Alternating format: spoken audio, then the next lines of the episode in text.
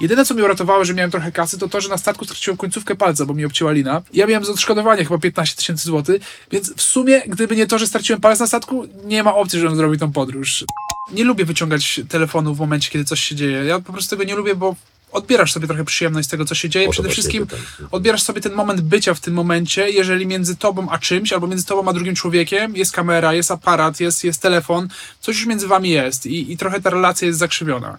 Ja wolę takie momenty, które oczywiście są czyste, w sensie pod tytułem czyste tego, że nie masz tam telefonu, nie masz tam aparatu i to się po prostu dzieje. Dzisiaj podróżowanie trochę poszło w jakimś dziwnym kierunku, jest takim spaczeniem tego, co było kiedyś, bo dzisiaj podróżnik to jest ktoś, kto leży w basenie na Bali w, w wannie pełnej róż. Z Nowickim po drodze. Zaprasza Łukasz Nowicki. Na początek posłużę się cytatem.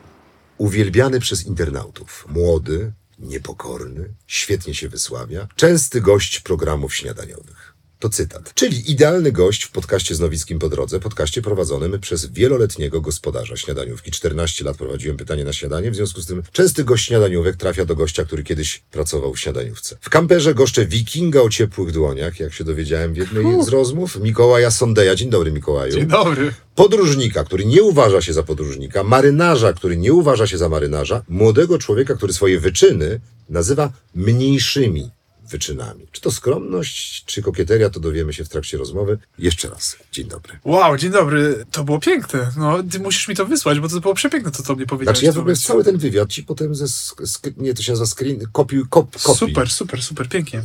E, Dzień dobry, dziękuję bardzo. Co dostałeś na Mikołaja? Na Mikołajki masz na myśli. Mhm. E, no ja byłem w podróży, także my jakimś cudem, nie wiem jak to się stało, ale pominęliśmy kompletnie Mikołajki. Podejrzewam, że, że pewnie stek z konia dostałem na Mikołaja. Stek z konia. Pewnie Ale sam konia. sobie go kupiłeś, czy go dostałeś? No niestety nikt nie zadbał o mnie, ja też nie zadbałem o partnera. Zapomnieliśmy, gdzie jesteśmy, jaka jest pora roku, który jest dzień grudnia i chyba pominęliśmy kompletnie te Mikołajki. No Mikołaj, Mikołajki, no tak mi się skojarzyło, że to powinno być coś szczególnego. Znowu będę ci się podlizywał. Gotowy?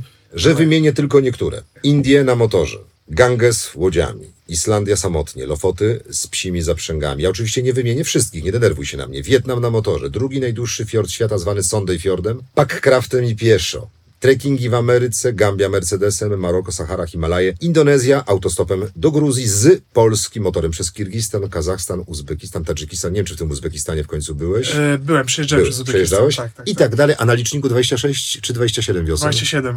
Nieźle. No, no, nieźle, co? Ty dopiero kartę y, tą młodzieżową straciłeś. Do 26 roku życia są zniżki. A do czego to upoważniało? Wiesz co, ja pamiętam we Francji to miałem jak Masz mieszkałem. rację, jest coś takiego. Jest, znaczy Gdzieś tańsze pociągi. Korzystałem. korzystałem z tego podczas swojej pierwszej podróży w życiu. Jak miałem 18 lat, to wyjechałem do Norwegii i tam okazało się, że dla osób, które są dużo, no właśnie mają tą kartę, o której mówisz, są chyba zniżki dodatkowe, jakieś 50 czy kilkadziesiąt procent. W ogóle to była jakaś abstrakcja, więc za bilet pociągowy, który jest niesamowicie drogi w Norwegii, bo kosztuje chyba na tą trasę Oslo, Trondheim czy Trondheim-Budę jakieś 1400 zł, jakaś abstrakcja. Ja zapłaciłem tylko 200 zł. No widzisz? No, no, więc korzystajcie z tej karty, jeżeli macie taką możliwość, bo No ja już nie mam. Mikołaj już nie może, musi płacić full. Naprawdę niezłe wyniki. E, W wieku 26 lat to jest taki moment, kiedy ludzie zazwyczaj kończą studia i zazwyczaj e, zaczynają podróżowanie. Już też kończą życie w takim Nie- wieku. 27. Tak, dokładnie, Tak, no. Słynna 27. Naprawdę jestem pod wrażeniem. Nie będziemy się grzebać w twoim dzieciństwie, bo często o tym opowiadałeś, o, o byciu marynarzem i tak dalej. Ten wątek z jakichś dziwnych powodów mniej mnie interesuje. Ale interesujesz mnie ty w Gdyni, pięknym mieście, które ja uwielbiam. Gdybym miał wybrać miejsce do życia w którym mieście, to byłaby Gdynia. Przeżyłem tam parę fajnych historii. Chodzisz sobie do szkoły, lubisz Indiana Jonesa, jesteś powiedzmy w miarę klasycznym e, młodym człowiekiem, w miarę oczywiście, i, i, i, i nie Hurgada, nie, nie All Inclusive, nie Sharm el Sheikh, nie Tunezja, tylko e, pierwsza podróż, o której mówisz, to Norwegia. Pierwsza podróż, którą faktycznie odbyłem i sam zaplanowałem. Mówię o świadomej podróży, nie z rodzicami, Nawet, nawet, tak. nie, nie, nie, ja nigdy nawet z rodzicami nie byłem za granicą, y, więc pierwszy... Bułgarii nie było? Czego? Bułgarii? Złotych Piasków? Absolutnie, coś ty. Ni, niczego nie było. E, więc pierwszy, mówię, za granicę to był wyjazd, który sobie sam zaplanowałem i sam tam wyjechałem.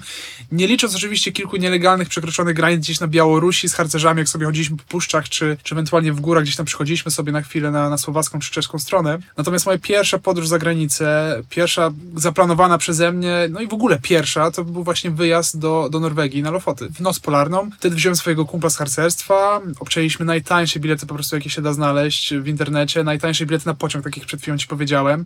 Spakowaliśmy się w bagaż podręczny. Jakimś cudem do tego bagażu podręcznego pozwolili nam włożyć namiot z tymi pałągami i śledziami. Także ja nie wiem do dzisiaj, jak to przeszło, bo podejrzewam, że dzisiaj nie można by było śledzi przewieźć prawdopodobnie w bagażu podręcznym. Co my tam jeszcze zrobiliśmy? Wszystko zrobiliśmy na Czy kompletnym to jest ten wyjazd, gdzie worki foliowe wkładałeś do butów, bo Było kilka wyjazdów, który, z których korzystałem Ja też to robiłem. foliowych. Ty też to robiłeś. Tak, bo przetarłem sobie stopy, wiesz, że to była jedyna szansa, musiałem, z- y, musiałem po prostu iść w sandałach, w śniegu, więc wtedy założyłem worki foliowe. Okej, okej. Mhm. Tak czy inaczej, to był ten wyjazd właśnie na północ Norwegii i wtedy pierwszy raz byłem za granicą. Norwegia, Lofoty, pierwszy wyjazd, z czego to się bierze? Czy studiowałeś, oglądałeś dokumenty, czy programy? Wiesz co, To północ- nie jest klasyczny kierunek do wyjazdu. Nie jest, aczkolwiek wiesz, ja zawsze gdzieś tam niechcący chłonąłem tą północ. Wydaje mi się, że wszystko się zaczęło od festiwali podróżniczych, na które chodziłem jak byłem młody. Ja po prostu chodziłem na prelekcje innych podróżników.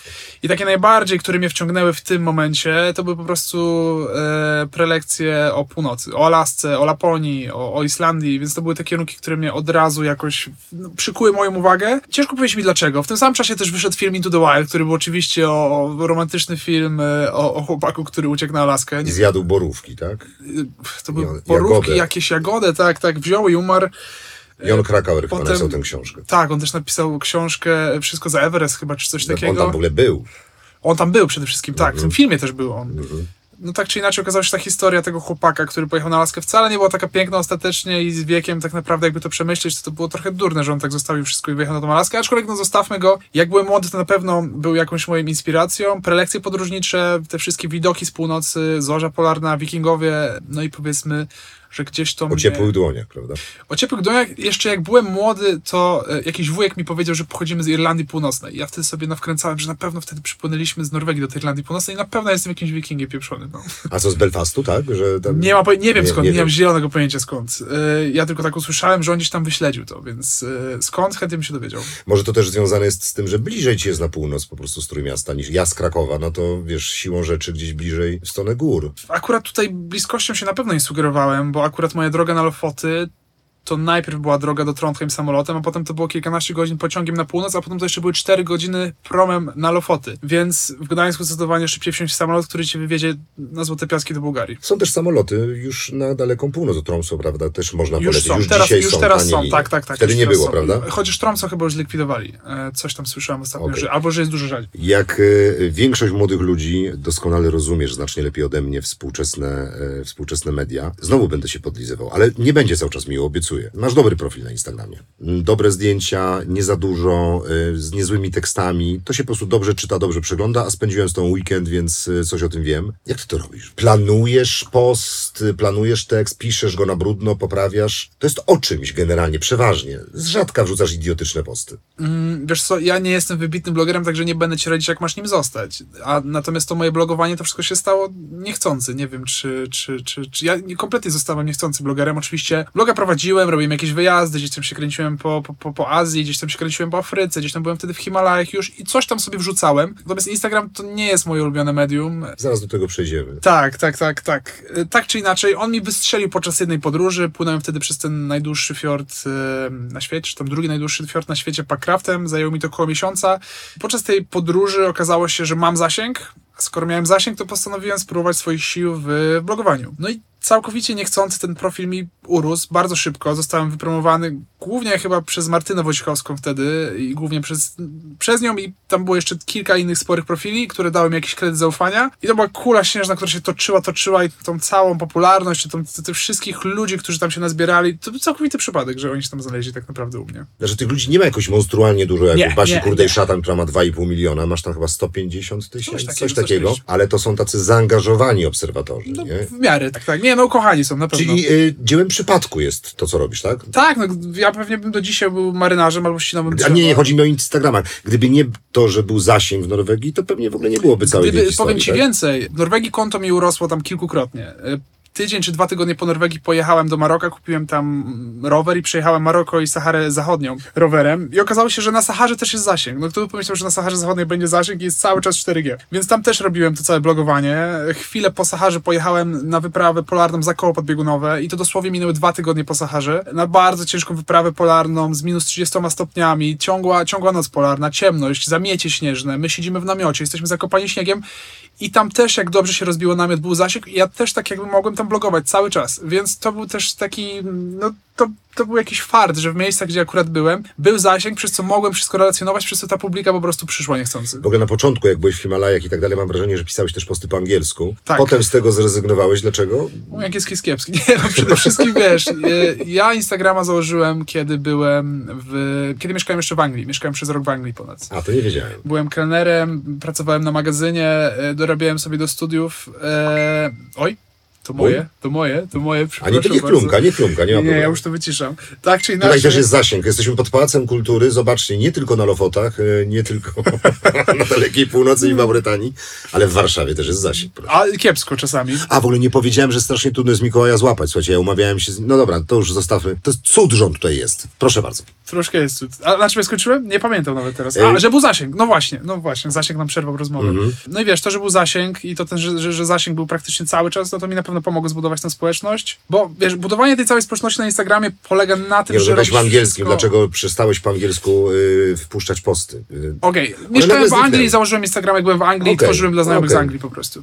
Naprawdę? No, nie interesowali się ludzie w Polsce? Nie myślałem. Nie Wiesz, myślałeś o budowaniu kontentu? Nie, W w, Europie życiu, Wschodniej? nigdy. Nie. Coś coś coś. Dobrze, wielu z nas, y, ja nie chcę za dużo mówić, że mam taką ochotę, wiesz, wejść z tobą w dialog bardziej niż w przepytywanie, ale moim na przykład dużym problemem jest to, że ja wszystkim no, nie, nie przepadam za tym, jak wyglądam, ale też nie mam dobrych zdjęć. No, czasami moja żona, Olga, mi zrobi jakąś fotkę, wiesz o co chodzi, ale generalnie nie mam tych zdjęć. I w kółko mam problem, jak jakaś gazeta mnie poprosi, czy portal, czy teraz aż przygotowuję, zmieniam zdjęcie na, na moim profilu na podcaście, albo są nieostre, albo są jakieś idiotyczne. Nie mam dobrych zdjęć. A ty masz bardzo dobre zdjęcia. Ty używasz zwykłego telefonu, czy masz aparat fotograficzny? To mówisz, bo chcesz, żebym ci zrobił zdjęcie po prostu dobre?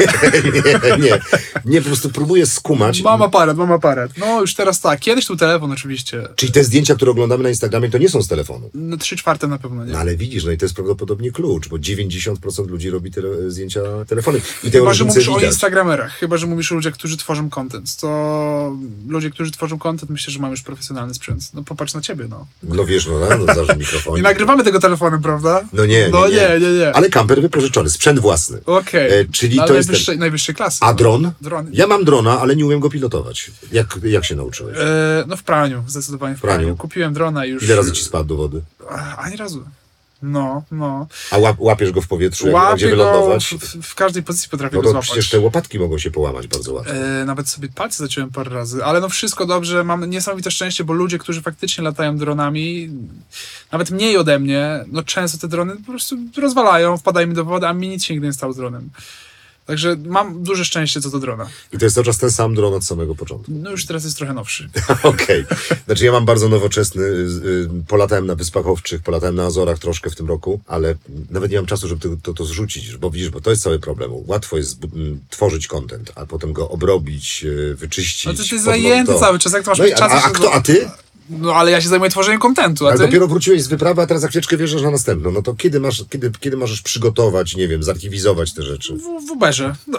Okej, okej, no widzisz, to jest właśnie ta, no, ta nowoczesność. No. Dobrze, czyli y, całkowity samouk, żadnych kursów, bo mi polecano, żebym zrobił taki kurs. Fotograficzne? Nie, dron, na latanie na dronowe? dronie, taki Nie, nie, nie, nie, nie. Ja, ja, ja wiesz co, ja jestem wieluczek samoukiem, także ja też chyba nie do końca odnajduję się w tym świecie, tak jak ty powiedziałeś, że lubisz chaos i dobrze się odnajdowałeś w chaosie. Ja też chyba wolę świat, który jest chaosem i nie do końca jestem zwolennikiem tego, żebyś robił kurs y, jazdy rowerem, skoro sam możesz się nauczyć jeździć rowerem. No tak, no tak. Na trzydniowy kurs y, latania dronem y, zasugerowano mi po to, żebym nauczył się wykorzystywać jego możliwości, jak follow me i tak dalej, i tak, Tak, dalej, tak, czego, tak, nie, tak. czego nie umiem włączyć. Wszystko masz zrobić w internecie dzisiaj. No ja wiem, ale też trzeba umieć rozumieć te tutoriale, wiesz, ja nie, nie kułam ich za bardzo, ale rozumiem, znowu kwestia PESEL-u. Teraz y, łyżka dziegciu, jak... Mm, Pamiętam, miałem taką, taki pierwszy pomysł na robienie programu podróżniczego, telewizyjnego, tak? Bo jestem z, tej, z, z, z, z epoki telewizji. I pamiętam dokładnie ten moment, kiedy jechaliśmy z miejscowości chyba z Sisan do Kapan, w każdym razie w, górskim, w stronę Górskiego Karabachu w Armenii. I było takie nieprawdopodobne miejsce. No po prostu piękne miejsce, piękna góra, no absolutnie idealny kadr, rozumiesz? I wiedziałem, że ten kadr będzie idealny o zachodzie słońca. Oczywiście jesteśmy w grupie, oczywiście się nie zatrzymałem, pojechałem dalej, miałem to w dupie, tak? Ale pomyślałem sobie wtedy, czy, nie, czy robienie programu, bo namawiali mnie kumple, zrób program, organizujesz te wyjazdy, no z, z, zacznij to robić zawodowo. Pomyślałem sobie, czy to nie odbierze mi radości z tego podróżowania, w tym sensie, że musiałbym poczekać dwie godziny na dobre światło, poczekać na ten zachód słońca, zatrzymać się, być jakby w opozycji do, do, do organizmu, do organiki. Czy to poszukiwanie u ciebie dobrego kadru to jest deszcz, warszawski deszcz. To poszukiwanie kadru czasem dobrego ujęcia nie zabiera ci trochę radości z podróżowania? Szczerze. E, nie no, oczywiście, gdybym siedział i, i czekał dwie godziny na jakieś ujęcie, ja tak nie robię też, wiesz, ja, ja nie czekam wielu godzin na idealne ujęcie, ja, ja jestem zwolennikiem tego, że jeżeli coś się dzieje tu i teraz, szybko, jeżeli masz ochotę, to to uchwyć, jeżeli chcesz to przeżyć, to tego może lepiej nie uchwycić, tylko... No ale zdarza się zatrzymać.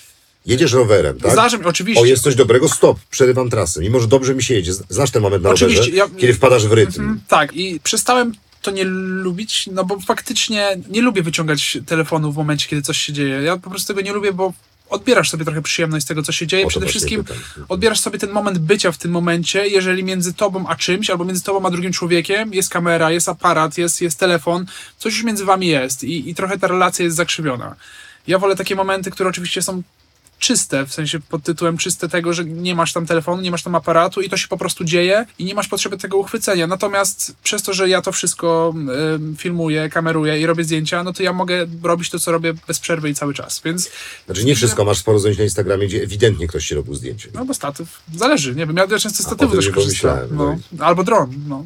Czyli ty niesiesz statyw ze sobą, to też No statyw już nie jest aż taki No wielki, no ale statyw możesz wszędzie wcisnąć, drona, dron oczywiście możesz zrobić też zdjęcie. Czyli to nie jest dla ciebie problem z tym, y, bo ja z tego powodu zrezygnowałem z zawodowego podróżowania, by nie odbierać sobie spontaniczności, luzu, wolności, żeby nie myśleć kadrem, rozumiesz, tylko myśleć sercem. Roz, pięknie to określiłeś, zgadzam się. Natomiast to chyba trochę wymaga przewartościowania sobie czegoś w głowie i możesz jakoś to wszystko wypośrodkować. Nie każdy moment musisz sfilmować, e, Mhm. ale jednak to. Możesz mieć też fan samego filmowania, samego robienia zdjęć. No przecież można mieć z tego fan i to jest cudowne. No, można, no, ja nie mam, ale, Nie masz? ale nie, Nie nie, masz, nie mam, no. nie mam, ale rozumiem, że, że można mieć. Wracam do tego Wiesz, a z Instagrama. drugiej strony można tak robić piłeczkę i powiedzieć, po co filmować, po co, po co nagrywać tę rozmowę w podcaście, skoro można bez podcastu porozmawiać sobie z drugim człowiekiem i ta rozmowa może będzie bardziej wartościowa. Tak się zastanawiam, tylko tak głośno sobie myślę, czy faktycznie można tak przerzucić to robienie zdjęć na nagrywanie podcastu. Można. Y, Wiesz co, oczywiście ja jestem tu, w domu, tak, w Warszawie, jestem w bezpiecznej przestrzeni. No, załóżmy, to jest taki normalny kolejny dzień. No nie uśpię dzisiaj swojej córeczki, w tym sensie to nie będzie normalne, ale generalnie to nie jest nic szczególnego. Gdybyśmy teraz byli, ale masz rację, jak teraz byłem ostatnio w Albanii, też pojechałem 400 kilometrów nagrać rozmowę. Hmm, no, O kurczę. No dobra, bo ja to kocham, lubię, ja też. Okej, i to jest dla mnie odpowiedź. Ja po prostu nie kocham e, tamtego i dlatego tego nie robię. Ale daje deszcz. No. Będziemy mieli piękny efekt e, dźwiękowy. Możemy teraz udawać, że w namiocie siedzimy, a nie w kamperze. O, o dźwiękach to później. O Okej, dźwiękach to później. okej. Nie bóż mi Boże, koncepcji. przepraszam bardzo. nie, nie, nie, przepraszam, żartuję. Słuchaj, wracam do Instagrama, bo on dał ci jednak popularność. Wiem, że wychwalasz YouTube'a, mówisz, że w ogóle cudo, cudo, że to jest twoja przyszłość. Byłem na twoim YouTubie. No nie, no nie, na razie nie ma się czym chwalić. Nie polecam. Na ten moment oczywiście, chociaż zasubskrybowałem, chociaż... e, O, dziękuję. Proszę cię bardzo. y, Czekam na resubskrypcję. Dobrze. Ale jednak ten Instagram to też jest dla ciebie y, cash, no bo tam masz sporo postów y, sponsorowanych, więc troszkę narzekasz na, na, na swojego żywiciela. No. No a kto nie narzeka na swojego żywiciela, no. Ja na rodziców też narzekałem. Wszędzie to być, no, gdzie, gdzie nas nie ma, no. Okej, czyli możemy narzekać, ale Możemy, generalnie możemy, czerpać, e, możemy, czerpać możemy, korzyści. oczywiście. Cała Warszawa narzeka na swojego żywiciela, chodząc codziennie do pracy, podejrzewam. To prawda, No. to prawda. Pojawiasz się też gościnnie w różnego rodzaju filmach i teraz... e, W filmach jeszcze nie. E, nie, nie, ale w filmach YouTube'owych, na YouTubie, kanałach. To się Zdarzyło nazywa... mi się parę razy. No tak, wiem, tak, no tak. wiem, bo obejrzałem. Wow, ale ty jesteś Oddechy chyba najlepiej przygotowany po prostu podcasterem, jakiego byłem. Słuchaj, to jest, e, e, nie pamiętam, gangi motocyklowe? Podróżowałeś z Tak facetem, się któremu nazywa. wy- wypominałeś brak włosów tak w sposób dość żenujący. Eee, wiesz co, bo ja nie wiedziałem, że to się nagrywa, że mamy szczery. Okej, ale poczekaj, bo, tam, bo z tym filmem mam mnóstwo związanych takich s- fajnych spostrzeżeń. Wylądowaliście na niby pustyni, taka fajna niby przygoda, ale to było naprawdę super, nie? Tam ta nocka was zastają. Piękna rzecz, to pokazałeś gościnność ludzi wschodu, nie? Że czekają na każdym rogu, żeby wam się coś nie stało, żebyście nie zgubili drogi. Ja lubię takie rzeczy, kiedy pokazujemy y, ludziom y, ten świat poza all inclusive. Można bezpiecznie się przemieszczać przy wsparciu miejscowej, miejscowej ludności. Bardzo często takie sytuacje miałem na Bałkanach. Ale dlaczego o tym mówię? Oglądając ten film, on tam ci fajnie tak, o, idzie Instagramer, zobaczcie zdjęcia z Instagrama, pokazuje i tak dalej. Ty mu nie wypominasz y, bycia youtuberem. Pomimo, że jest łysy. Tak, ale nagrywa non-stop, ga- gada non-stop, Tak. strasznie dużo i jest to irytujące. A ty tego nie robisz. A on od razu ci wrzucił szpilę, jak wróciłeś z, tym, z tą ładną fotą spod Jeepa. Aha. Jest pojedynek między youtuberami a instagramerami, czy nie? Nie, no wiesz, ja mam, ja, ja, ja, takie? ja mam do wszystkiego luz oczywiście. Do wszystkiego, do chrapania nie. Jezus Maria, mam do wszystkiego luz. Wypomniałeś mu chrapanie. Tak? Tak, że jest łysy i chrapie. No i słusznie.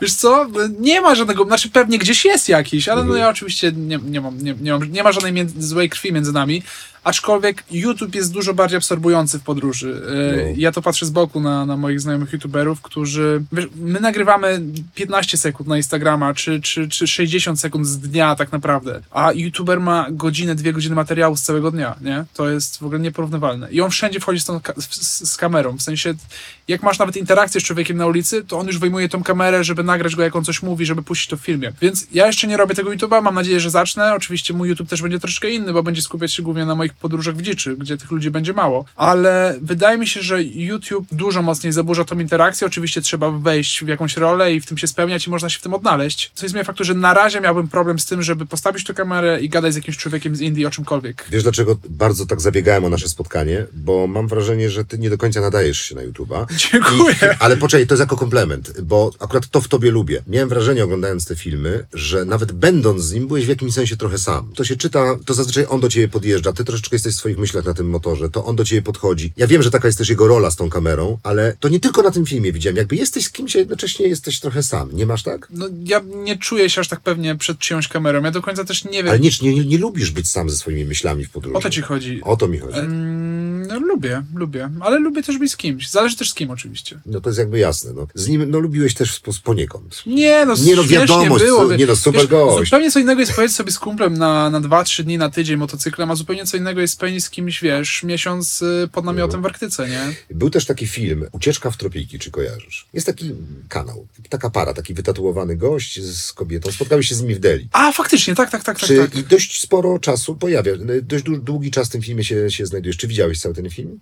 Nie, bo wcale nie widziałem nawet. To bardzo bym ci polecał, żebyś wiedział, w jakich produkcjach bierzesz udział. Co tam się dzieje? Nic, nic, po prostu nic nie mówię, nic nie mówię. Jezu, zapomniałem kompletnie o tym. Ale jak wpisuje się Mikołaj Sondej, to ten film się pojawia, w związku z tym jesteś Okej. częścią tego filmu. Również scen przed twoim pojawieniem się i scen po twojej bytności. Czy, czy tam się coś złego o mnie mówi? Wręcz przeciwnie. Przeciw- no Chciałbym, żebyś się przyjrzał bohaterom tego filmu, w którym... W którym, w którym sympatyczna zagrałeś. parka, y, spotkaliśmy się na obiad w Delhi. Okej, no czyli to nie są jacyś bliscy znajomi. Nie, nie, my się godzinkę jest właśnie- gdzieś może dwie. Żartujesz. No, pewnie tak. To jest siła internetu, patrz, a ty już jesteś z nimi zespawany poprzez algorytmy, nie? Widzisz? widzisz? A jak z tobą będę zaraz zespawany. No w mniejszym stopniu. I tak jak już wspomniałem, obejrzałem sporo wywiadów z tobą i jedno mnie zabiło. To jest pytanie nie moje, tylko które ci zadano. Jak to jest być atrakcyjnym mężczyzną na Instagramie? Mhm. Na kanapie siedziałeś z pewnym dżentelmenem, który zadał ci to pytanie i teraz chciałem chciałem zadać atrakcyjnego mężczyznę na Instagramie. Czy ty świadomie operujesz swoim wizerunkiem? Jak wejdziesz teraz na mój profil, to ostatnie dziewięć zdjęć nie ma mojej twarzy. Okej. No, więc... To też jest świadome operowanie wizerunkiem. jest Uznałeś, że jest tak, za więc dużo. pod tytułem tego świadomie... y, A jak to jest być atrakcyjnym mężczyzną na Instagramie? A jak to jest być atrakcyjnym mężczyzną? Nie Powiedz wiem, pytam cię. pytam cię, on ci zadał to pytanie. Okej, ja podążam za nim, teraz to się stało moim pytaniem, bo wydaje mi się to pytanie, no, no trudno na takie pytanie odpowiedzieć. Bardzo- no. bardzo To cokolwiek trudno. nie odpowiesz jest źle. Jest tragicznie, no. No, umówmy się, że pytanie jest nie najlepsze, yy, ale tak mnie rozbawiło, że pomyślałem sobie, że może, bo też nie odpowiedziałeś wtedy na nie, zastanawiałem się, czy wtedy miałeś gorszy dzień? Nie, widzę, że ewidentnie jesteś skromny. Dzisiaj mam jeszcze gorszy. Tam też ci wypominano, że się rozebrałeś tam na dwóch, trzech zdjęciach, a ty dokładnie wiedziałeś na ilu. To też na mnie zrobiło wrażenie. Powiedziałeś, bo ty odpisujesz internautom, to też jest ważne. Ja tego nie robię, dlatego też mój profil się nie rozwija. Czekaj, to nie rozebrałem, tylko zdjąłem koszulkę. Ty, tak, tak, tak, oczywiście, zdjąłeś koszulkę i tam, y, a miał to być profil bez tamtego, tego, to odpisałeś, z tego co mi się wydaje, tylko na czterech zdjęciach taka sytuacja miała miejsce. Dokładnie wiesz, na ilu zdjęciach byłeś bez koszulki. Tak. Czyli świadomie operujesz tym wizerunkiem, naprawdę. Yy, Teraz mówię serio. Tak, tak. Wiesz co, to też wynika z tego, że ja nie lubię Instagrama i już ci mówię, dlaczego nie lubię. No bo Instagram, żeby dobrze się klikał, musi jednak polegać na tym, żebyś był tam zawsze uśmiechnięty, zawsze ładny, żebyś pokazał Tam ten ładna pani sześciopak. też z tobą była, to też pomaga. Tak, żeby bardzo ładna pani Mhm. ze mną była. To nie do końca są wartości, które ja chcę przedstawiać w podróży, prawda? Bo podróż się jednak nie składa z tych pięknych chwil, ona się nie składa z tego sześciopaka, z tej uśmiechniętej twarzy. Oczywiście ona jest dużo bardziej wartościowa niż te szczęśliwsze momen- szczęśliwe momenty, które pokazujesz na Instagramie, ale ona nie składa się tylko z tego i nie chcę pokazywać tylko tego na Instagramie. Ale Instagram to ode mnie wymaga, więc troszeczkę gram w tą dziwną, e, I nieszczęsną potrafisz grę. policzyć takie zdjęcia, podoba mi się to. No, no. Szacun. Dzie- Dziękuję, ale że szacun, że potrafisz pójść do czterech. Słuchaj, nie robisz tego na razie ze mną, ale robiłeś to często w wywiadach i też byłem ciekawy. Bardzo często zadajesz pytania prowadzącym i zastanawiałem się, dlaczego to robisz. Czy naprawdę jesteś ciekaw drugiego człowieka? Czy grasz na czas, żeby sobie skonstruować odpowiedź? Bo to ja, ja tak robię na przykład, nie? Że jak nie znam dokładnie odpowiedzi, to odbijam piłeczkę. Czy to jest spryt, czy to jest rzeczywiście, rzeczywiście ciekawość drugiego człowieka? Oj, ja o zdecydowanie wywiadach teraz.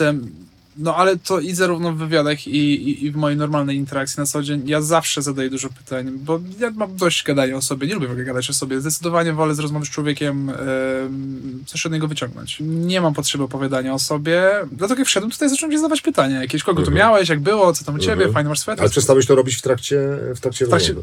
no bo tu wyszliśmy w pewną konwencję, w której staram się poruszać, ale poczekaj, za chwilę ci zacznę zadawać pytania. Atakuj, dobra? Skąd ten sweter kosztował, powiedz mi, bo jak z Wysp Owczych, to jestem pewien, że był drogi. E, byłeś na Wyspach Owczych? Nie byłem, ale wiem, że jest drogi. To jest bardzo delikatnie powiedziane. Aha. A ty nie bywasz w tanich krajach, wiesz? Także zarówno Eee, Norwegia, jak i Islandia, nie Ale oszukujmy nie, się. no bywam w tanich. No przecież teraz byłem w Tadżykistanie, Kirgistanie, to są strasznie tanie kraje. To prawda. A, a propos pieniędzy, skąd ty bierzesz kaskę? Z tego no, od Instagrama? rodziców oczywiście. Z tego Instagrama? No oczywiście, że od rodziców. Nie no, masz 18 lat jedziesz do Norwegii, okej, kupujesz w miarę tanio bilet, masz kartę od... Oj nie, to ja już od 16 roku życia pracowałem na budowie. Czyli sam zarabiałeś te pieniądze. Bo wybrałeś na drogie wszystkie kierunki. podróże, wszystkie podróże, no tylko że ja zrobiłem je absol, absolutnie tanio. E, Na wszystkie moje podróże zarobiłem, no wiesz co, ja od 16 roku życia na bardzo dużo rzeczy w swoim życiu zarabiam sam. To jest śmieszne, bo jak wpiszę się w Google Mikołaj Sunday, to pierwsze co wyskakuje e, po tym haśle Mikołaj Sunday to są rodzice. I nie wiem, czy ludzie tam wpisywali, czy to jest jakiś zbieg okoliczności, ale wychodzę z założenia, że jednak dużo ludzi podejrzewa, że jestem z jakiejś wybitnie bogatej rodziny, a to jest absolutnie nieprawda. Ja bardzo dużo pracuję od małego, bo życie mnie do tego zmusiło, nie wchodząc w szczegóły. No i bardzo szybko stałem się samodzielny, więc wszystko tak naprawdę, wszystkie moje jakieś głupie, wiesz, ży, ży, życiowe mm, zachcianki, no to to było tylko i wyłącznie za moje, nawet nie kieszonkowe, tylko za, za moje zarobione ciężko e, pieniądze na budowie, bo pracowałem na budowie, byłem ogrodnikiem i budowlańcem i robiłem wykończeniówki, no. A masz satysfakcję z tego powodu? Yy, Zakładam, że to tak, musi być tak. bardzo... tak, tak, uczucie. był, był taki moment jakiś czas temu. Wiesz, ta satysfakcja do mnie wraca czasami, nie? Także po roku patrzę sobie na rok w tył i sobie myślę, wow, ile zrobiłeś. A ostatnio w zeszłym roku dotarło do mnie coś takiego, że popatrzyłem sobie na, na ostatnie 10 lat do tyłu i wiesz, i poczułem taką pełną satysfakcję z tego, że ogarnąłeś, nie? A nie było łatwo. Nie wchodząc kompletnie w szczegóły, no. Drugi raz to podkreślasz, ja, ja mam dobrą pamięć, ja wiem, że nie, mam nie wchodzić w szczegóły. No, no. A dlaczego? A tak to w stylu wojewódzkiego. A tak zupełnie serio, znaczy wiesz co, no, no to nie jest standardowe, tak, żeby, żeby 26, 7? No siedmiu już. Siedmioletni facet po prostu miał takie dokonania i na które w większości zarobił sam. Oj, w, ca- w całości. Prawdę powiedziawszy, znaczy, w całości. no też nie chcę, wiesz, no oczywiście wszystko komuś zawdzięczamy w życiu, to nie jest No tak, masz że co- edukację, czegoś się nauczyłeś, tak, no tak, wiadomo, tak, tak. Ale, ale, ale wiesz co, ale to się zdarza niezwykle rzadko, a ja prawdę powiedziawszy, no nie znam drugiej takiej osoby, szczególnie w początku, no bo rozumiem, że teraz ci pomaga internet i tak dalej, ale na początku jednak musiałeś tą całą, tą całą swoją pasję budować na własnej pracy. Ale ja też powiedziałem, że tam było dużo, dużo farta i szczęścia. Oczywiście dużo też ryzykowania, rzucania się w fale i, i wiesz, bycia wymie, wymiętolonym przez te fale i tak dalej, ale myślę, że ostatecznie warto ryzykować w życiu, no i warto marzyć.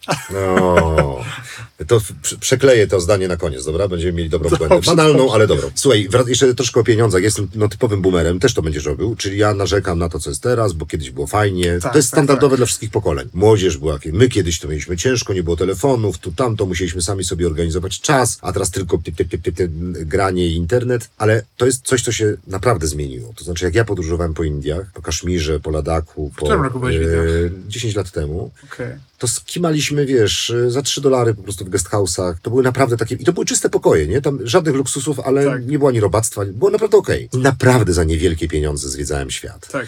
Afryka, która jest bardzo droga, ta Afryka mm, centralna czy wschodnia, czyli ta, którą naj, najmilej wspominam, czy Etiopię, Ugandę, jest piekielnie droga. Wtedy dolar był po dwa złote. No rozumiesz, no generalnie miałem trochę fart. I teraz tak patrzę na moje dzieci, w których chcę zaszczepić yy, miłość do podróży. Moja Albania ukochana. Albania, stary, to był najtańszy kraj Europy, w tej chwili jest naprawdę droga, nie? Tak, tak, I, tak. Ale naprawdę droga, to nie są żarty, to jest porównywalnie już do Polski. Czy ty też to dostrzegasz? Mimo tego, że podróżujesz low costowo i że poza szlakami często, to myślisz, że będzie lepiej, czy po prostu generalnie podróżowanie się skończy, Wiesz takie jakie co, znaliśmy? Ja myślę, że era taniego podróżowania już się skończyła i wystarczy tylko popatrzeć na wyszukiwarki tanich biletów. Tych tanich biletów już jest Ale wiesz, że bilet mało. to jest y, kropla w morzu. Ale te Za bilety 200 już... możesz kupić bilet do Tel Awiwu, a potem za falafela zapłacisz więcej. Owszem, ale te, już same bilety się skończyły tanie. W sensie, wiesz, ta era tanich biletów, która trwała przez parę lat, to było coś, co napędzało ludzi na wyjazd za granicę.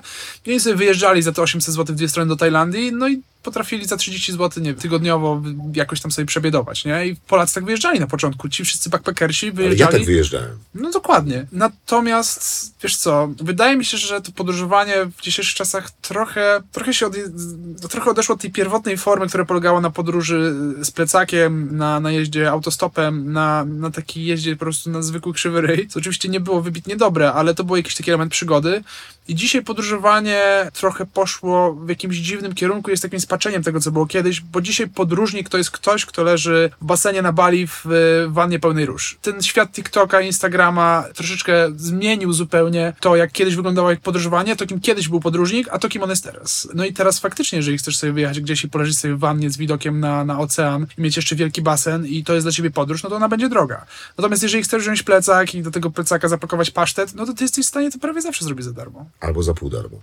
Przypomniało mi się od razu w trakcie twojego, twojego opowiadania, jak zdewaluowało się sformułowanie backpackers, czy na przykład Lonely Planet. Mam znajomych, którzy kupują Lonely Planet po to, żeby nie jechać w żadne miejsce, które rekomenduje Lonely Planet. Bo Okej. te wszystkie hostele stały się identyczne, rozumiesz? Tak, tak, tak, oczywiście. Budzisz się i ty nie wiesz, czy jesteś w Azji, czy w Europie, czy, czy, czy w Ameryce, bo to jest dokładnie, to są te same meble, ten sam styl, ta sama tak. kawa, herbata, plujka rozpuszczalna, no wie, znasz to. Cena bookingu jest wszędzie. już. Znaczy wszystko jest identyczne, nie? Znaczy to jest po prostu, i to jest dramat, nie? Bycie backpackersem to była mobiliz- y, nobilitacja, a w pewnym momencie nagle wszyscy stali się backpackersami i, i backpackersi nagle zaczęli mieć dużo pieniędzy tak. za, i zaczęli płacić za to, że nimi są. Czyli co? Czyli przyszłość, rozumiem, dalej pasztet jest szansa, tak? Mogę moim dzieciom y, Musisz nawet, to jest jedyna słuszna droga.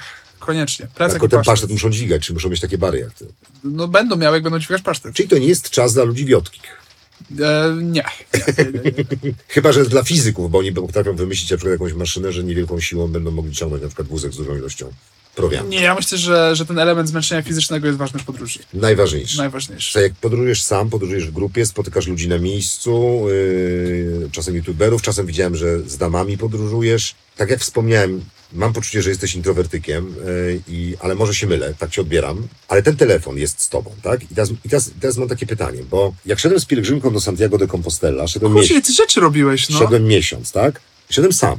No, To było dla mnie absolutnie warunkiem, nie? Żeby... I to, był, to była duchowa pielgrzymka, nie religijna, tylko duchowa. I moje życie się zmieniło. Także jak, nie wiem, ktoś nie wierzy, to polecam, em, że coś jest ponad nami. Ale szedłem z muzyką i ta muzyka regulowała moje emocje. Jak niedobrze, no. no ale widzisz, jak puszczałem Dead Can Dance, no to płakałem, nie? Jak puszczałem Eltona Johna, nie wiem, czy coś tamten, to, to, to, to się uśmiechałem. Jak y, pamiętam, y, jest taka cudowna piosenka y, z filmu Miasto Aniołów, no to w ogóle jak bubr na przystanku autobusowym, po prostu hektolitry łez. I teraz, jak już jest ten telefon, jak jest ta muzyka, to, to wciąż jest samotne podróżowanie, czy już nie? Wiesz co, jest, jest chyba jakaś taka teoria, która mówi o tym, że jeżeli dwa dni posiedzisz w ciszy i nie będziesz słuchać muzyki, to dopiero zaczniesz słyszeć swoje myśli. Więc jeżeli słuchasz muzyki podczas wędrówki, to ty jeszcze nie zdążyłeś usłyszeć swoich myśli. W momencie, kiedy maszerujesz przez wiele godzin w ciągu dnia i robisz to regularnie, codziennie, to wpadasz w jakiś taki ala medytatywny stan. I jeżeli słuchasz muzyki, to tego nie osiągniesz. To jest monotonna czynność po prostu iścia do przodu, y, skupiasz się na swoim oddechu, skupiasz się ewentualnie na tym, co jest pod twoimi nogami i ty idziesz przez te wiele, wiele godzin dziennie, wiele, wiele dni i dopiero wtedy jesteś w stanie wpaść w ten stan niczy, niczego nie robienia i takiej ala medytacji i wtedy dopiero jesteś w stanie dotrzeć do swojej głowy. Przynajmniej taka jest moja teoria i zresztą to nie jest tylko moja teoria, tylko to jest popularna wiedza ludzi, którzy robią długodystansowe szlaki. Jesteś sam ze swoimi myślami wtedy, kiedy jesteś w ciszy.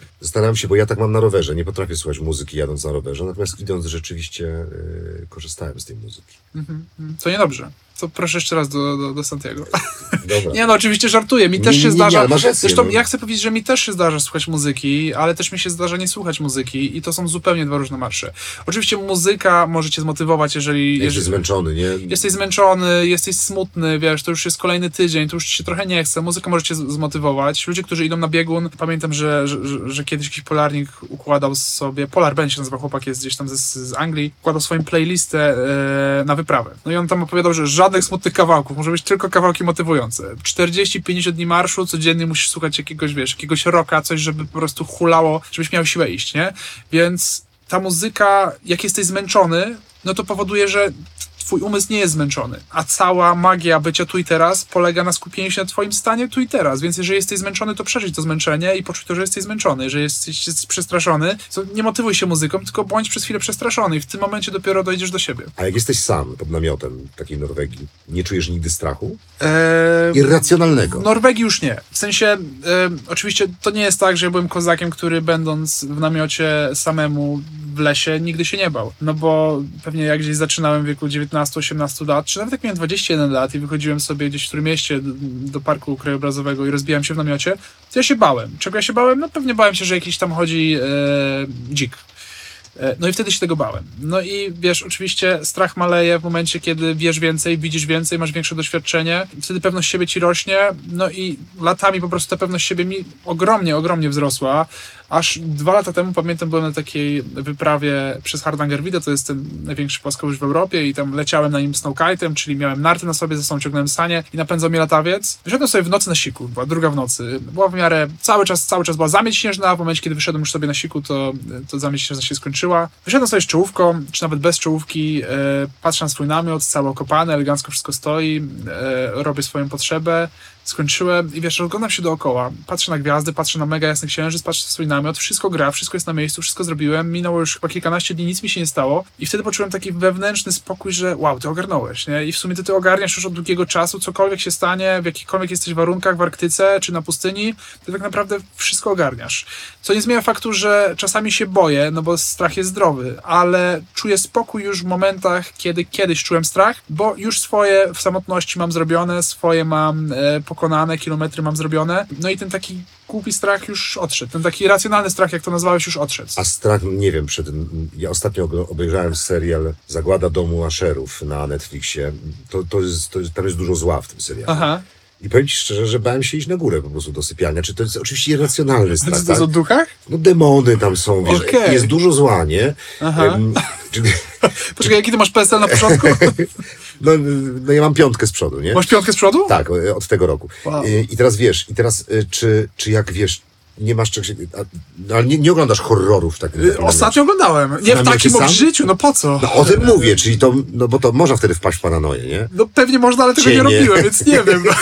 Coś tam w krzakach chodzi. No, y, ale w zeszłym roku też miałem strach, a miałem kilka takich strachów gdzieś tam. Y, wiesz, bo o tyle co Arktyka, to ja się tam niczego nie boję, bo ja wiem, co tam mnie może spotkać, nie? Ale w zeszłym roku maszerowałem przez ponad miesiąc przez Washington, przez szlak PCP. Tam masz grizzly, tak? Tam są gryzli, tam są niedźwiedzie czarne, tam są e, kuguary, czyli te mountain lion. No i o co chodzi z tymi panterami, całymi kuguarami? Że one rzucają się od razu ci na łeb. Jest taka historia z miejsca, w którym zacząłem wtedy trekking. Była sobie dwójka przyjaciół. Oni sobie robili jakiś downhill rowerami. Wyobraź sobie, że nagle wybiegł znikąd ten kuguar, rzucił się na łeb pierwszego. Ten drugi zaczął uciekać. E, on sobie jadł tego pierwszego. Nagle zobaczył, że ten drugi ucieka. Ruszył za drugim, dorwał drugiego. W tym czasie pierwszy osknął i uciekł, no a drugiego już nie znaleziono. I to było w miejscu, przez które Ten pierwszy przeżył. Ten pierwszy przeżył, drugi nie znaleziono go do dzisiaj, więc może żyje gdzieś e, szczęśliwie, no ale nie, pewnie nie żyje oczywiście. Bo taki kuguar może zaciągnąć człowieka kilka kilometrów e, gdzieś tam wzdłuż lasu i schować go sobie gdzieś tam do, do, do swojej jaskini. E, No to to już nie jest irracjonalny strach. to nie, to nie jest no, absolutnie jest- irracjonalny strach, to było coś, co na początku jak usłyszałem, no to trochę mnie zaniepokoiło. Jedyne, co mnie ratowało, to fakt, że... Broni nie miałeś. Nie miałem broni, miałem gaz pieprzowy, taką, wiesz, półlitrową butelkę gazu pieprzowego, która wygląda jak gaśnica przypiętą gdzieś tam do piersi, aczkolwiek ja ją wyjąłem chyba dopiero po tygodniu. Ona przez pierwszy tydzień była gdzieś głęboko w moim plecaku i dopiero, wiesz, jak miałem taką pierwszą sytuację, że coś tam widzę na wierzchu, chyba pierwszy niedźwiedź, którego spotkałem gdzieś tam, nie, pierwszego niedźwiedzia spotkałem po paru dniach, nieważne, coś tam się stało. I widzę, że gdzieś jakieś zwierzę jest, czy coś tam usłyszałem i sobie pomyślałem, kurczę, przecież ty masz gaz pieprzowy na dnie plecaka, tego nie możesz tam nosić i dopiero wtedy go wyciągnąłem i tutaj go Są trzymałem. takie plecaki, gdzie możesz otwierać od spodu, więc jakby... No ale to wiesz, to nie ma znaczenia. Musisz zdjąć plecak, który waży 30 kg. Musisz, poczekaj, poczekaj, misiu, czekaj, ja tylko wyjmę gaz pieprzowy, nie? No i odpinasz i dopiero wtedy działasz. Więc faktycznie dopiero potem zacząłem ten gaz nosić tutaj, to mi dodało też trochę pewności siebie. Spotykałem niedźwiedzie oczywiście. Jest taka metoda na kuguary, bo kuguary czy jaguary rzucają ci się od razu na tył głowy, na szyję. Więc jeżeli masz plecak, który wystaje ponad twoją głowę i chroni ci szyję od tyłu, no to on już tak nie jest za bardzo chętny, żeby cię zaatakować. Natomiast masz niedźwiedzie. Czy Yy, musisz mieć komin po prostu, wysoki plecak. tak, musisz mieć wysoki plecak z tyłu. No i natomiast masz też niedźwiedzie. No i te niedźwiedzie czarne, wiesz, w Polsce u nas też jest tak, że niedźwiedzie są w Tatrach i te niedźwiedzie są jakoś demonizowane, że one są okropne w ogóle, że jak spotkasz niedźwiedzia, to uciekaj, jak zobaczysz wilka, to w ogóle już uciekaj. No a w Stanach czy w jakichś innych krajach, gdzie, gdzie te zwierzęta dzikie są bardziej na co dzień w miastach, wychodzą sobie, zjedzą sobie coś ze świetnika, to no aż takie straszne nie są. No oczywiście trzeba uważać na niedźwiedzie. Teoretycznie jest takie coś jak ten trójkąt niedźwiedziowy, czyli tak, w tym miejscu y, jesz, 300 metrów od tego miejsca w dół y, przechowujesz jedzenie, a jeszcze 300 metrów od tego miejsca, gdzie śpisz, przechowujesz jedzenie. Toaleta. Tak. Czworokąt się zrobi trochę niżowy. Nieważne, wiadomo o co chodzi. No i faktycznie ja go na początku przestrzegałem. Potem się okazało, że 300 metrów to kawał drogi. to jest kawał drogi. No, no i mi się już później nie chciało i spałem już z jedzeniem. No ale to też wynikało z tego, że wiesz co, że na tym szlaku spotkałem ludzi, którzy e, maszerowali, wiesz, PCT to jest ten Pacific Crest Trail, to jest szlak, który jedzie z Meksyku do Kanady. Ja ten szlak zrobiłem pod koniec sezonu, właściwie już na początku zimy i przemarszowałem sobie przez ten odcinek Washingtonu, który był akurat otwarty, bo były jakieś tam pożary, więc i tak przez miesiąc szedłem przez góry. I spotkałem ludzi, którzy tym szlakiem idą już pół roku. Wyobraź sobie, że jest takie miejsce na świecie, no, Santiago de Compostela, masz tam ludzi, którzy idą od miesiąca. No i to nie jest jakiś wybitnie ciężki górski teren, w sensie Nie. jest górski, jest ciepło. Ja szedłem Camino del Norte, czyli tą trudniejszą trasą, ale też oczywiście absolutnie nie było to trudne. To wyobraź sobie, że, że masz szlak e, w Stanach, który idzie przez czterotysięczniki, przez pustynię, przez góry, przez gęste lasy, masz niedźwiedzie grizzly, masz tam grzechotniki, masz wszystko po drodze i tam znajdzie się kilkaset ludzi, którzy w ciągu roku pokonują go od punktu A do punktu B i oni idą przez pół roku. Więc to w ogóle abstrakcyjne, tylu ludzi zobaczysz na szlaku, którzy robią coś takiego, to są ludzie, którzy są w półrocznej wędrówce. Wiesz, jak idziesz tydzień, to czujesz codziennie jakąś ekscytację, codziennie coś jest nowego. Jak idziesz miesiąc, też możesz znaleźć codziennie coś nowego w tej wędrówce i, i możesz z nim mieć fan. Ale jak idziesz przez pół roku, to to musi być takie ciężkie. tak czy ja- inaczej, do, dokończę ci tylko, spotkałem tych ludzi i, no i gadałem z nimi o tych niedźwiedziach, no i oni mówią, że nie, ja już tak od, od czterech miesięcy sobie to śpię ze swoim jedzeniem. No ja też zacząłem spać ze swoim jedzeniem, no bo to są tylko niedźwiedzie czarne, przynajmniej w tej południowej części Waszyngtonu, tam w północnej oczywiście są grizzly. Gorsze. Go, grizzly są dużo gorsze, dużo większe, no grizzly waży 800 kilo, więc nie- Wow. no, nie wiem, ile ten van waży, na pewno. No, no, 800 no nie no, kilka grizzly, kilka No, grizzly. kilka grizzly, no ale 800 kilo, wyobraź sobie, kiedy jest bydle wielkie. Wiesz co, tak sobie przez przypomniałem też e, Afrykę, znaczy nie można nigdy bagatelizować niebezpieczeństwa, które grozi nam ze strony dzikich zwierząt. W Afryce masz tak, że musisz absolutnie zamykać namiot, nie? I jeżeli namiot jest zamknięty... Na safari, rozumiem, tak? Czy... No na przykład na safari. No ja byłem na safari akurat, ale no jakbyś w ogóle był na terenie Parku Narodowego, gdzie są dzikie zwierzęta, bo jeżeli namiot jest otwarty, Tak. y, to zwierzę traktuje, no, no, ono je traktuje jako zamkniętą bryłę, kamień, jak jest zamknięty. Jeżeli jest otwarty, no to zdarzało się wielokrotnie, że lew wyciągał kogoś. Już nie było na przykład delikwenta. Wiesz co, jest spał. takie nagranie, które krąży w internecie, jak facet otwiera, otwiera po prostu namiot, to taki wielki gryzly się na niego patrzy, on jak nic tak powoli tylko zasuwa ten namiot, jakby to miał podtrzymać tego gryzly. Jest coś takiego w? Jest coś takiego, ostatnio mi to wyskoczyło, jak abstrakcja. A wiesz, ja, ja, ja, ja, się, ja się tak bałem, że sikałem w namiocie, no bo wiesz, no bo... Tak? No tak, bo się, no bo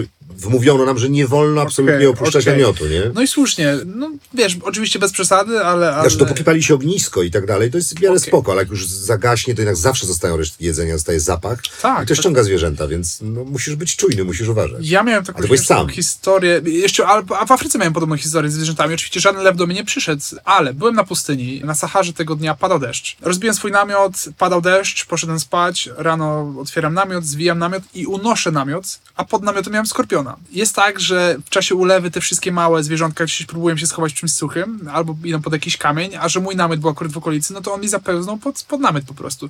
Więc gdybym zostawił ten namiot uchylony i otwarty, no to jest środka. szansa, że mógłby wejść do środka. No tak, no to wiesz, no, a to bardzo logiczne. No ja na ich miejscu dokładnie to samo. I też Dokładnie, podkreślamy na Saharze, dość często pada deszcz i to jest tylko takie złudzenie, że tam jest zawsze sucho i też przypomnijmy, że w nocy bywa naprawdę zimno, a w dzień naprawdę Jest- ciepło. jest- jest to spora już mały książę o tym wiedział, prawda? Taka książka. Przeczytałem to w jeden, jeden wieczór mojego księcia kiedyś. No bo to jest, e, wiesz to, bo to jest cienka książka. No to wiesz? pewnie jest 10 dla tych- stron, tak? Dla tych, co nie przepadają za czytaniem, e, jak znalazł. Dobrze, ostatnie pytanie jeszcze w kwestii e, tego telefonu. Polscy himalaiści, ja się bardzo pasjonowałem himalaizmem, w latach 80. m, należący do czołówki światowej, e, wczesnych 90. Wiesz, jakie to były podróże? Oni znikali na parę miesięcy. No wtedy nie ma telefonu i tak dalej, i tak dalej. Na przykład informacja o tym, że kukuczka wszedł na lotce albo zginął na lotce, docierała czasem do rodziny po miesiącu, po wielu Aha, tygodniach. aha. E, via ambasada w Katmandu czy, czy, czy, czy, czy, czy w Pakistanie. Nie kusi cię taka podróż, ale taka, żeby zniknąć. Eee, kusi, tak. Tylko widzisz, no już teraz mamy wszędzie, wszędzie jest telefon satelitarny. Ale możesz nie brać internet telefonu satelitarnego ze sobą. Elon Musk spowodował, że już jest wszędzie net. Tak, tak. Ale Czy nie masz na to ochoty, żeby to spróbować tak, tak, tak, tak, tak zrobić? E, oczywiście, że mam. E, mam parę takich wypraw w głowie, e, ale myślę, że nie zrobiłbym czegoś takiego swoim bliskim, żebym nie zabrał ze sobą telefonu satelitarnego. Aczkolwiek ma rzeczywiście mi się podróż polarna, gdzie bym zniknął, wiesz, zniknął w lody i, wrócił za pół roku. No ale nie, nie biorę pod uwagę tego, że nie wziąłbym telefonu satelitarnego, bo wiesz, ja nie jestem aż takim samotnikiem, żeby kogoś tutaj zostawiać. Rozumiem, że kiedyś to była kwestia, no nie tyle co wyboru, tylko po prostu nie było tych telefonów satelitarnych. Tak samo marynarze kiedyś jak zmykali na, na, na morze, no to oni wysyłali listy, no to, ale dzisiaj, wiesz, wszystko jest, więc to trochę by było nie fair wobec chyba ludzi, którzy tutaj są. Mówisz o wielkim zostawiać. podróżowaniu. Jak ja się urodziłem, to ojciec y, wysłał telegram do swojej mamy, do mojej babci. Syn. Hmm. Co? Syn. Wow. Wiesz, no telegramy się wysyłał, bo nie było telefonu. Babcia nie miała telefonu, to były takie czasy. No to teraz historia. jeszcze marynarze, ym, no oczywiście jest internet, messenger, możesz sobie rozmawiać jak chcesz tam z żoną, na kamerce nawet możesz sobie rozmawiać z żoną, ale kiedyś, y, pamiętam jeszcze ci starsi marynarze opowiadali mi, że jak dopływali już gdzieś tam byli na Bałtyku, to oni się łączyli przez radio. Jak byłeś na linii ze swoją żoną, to wszyscy cię słyszeli.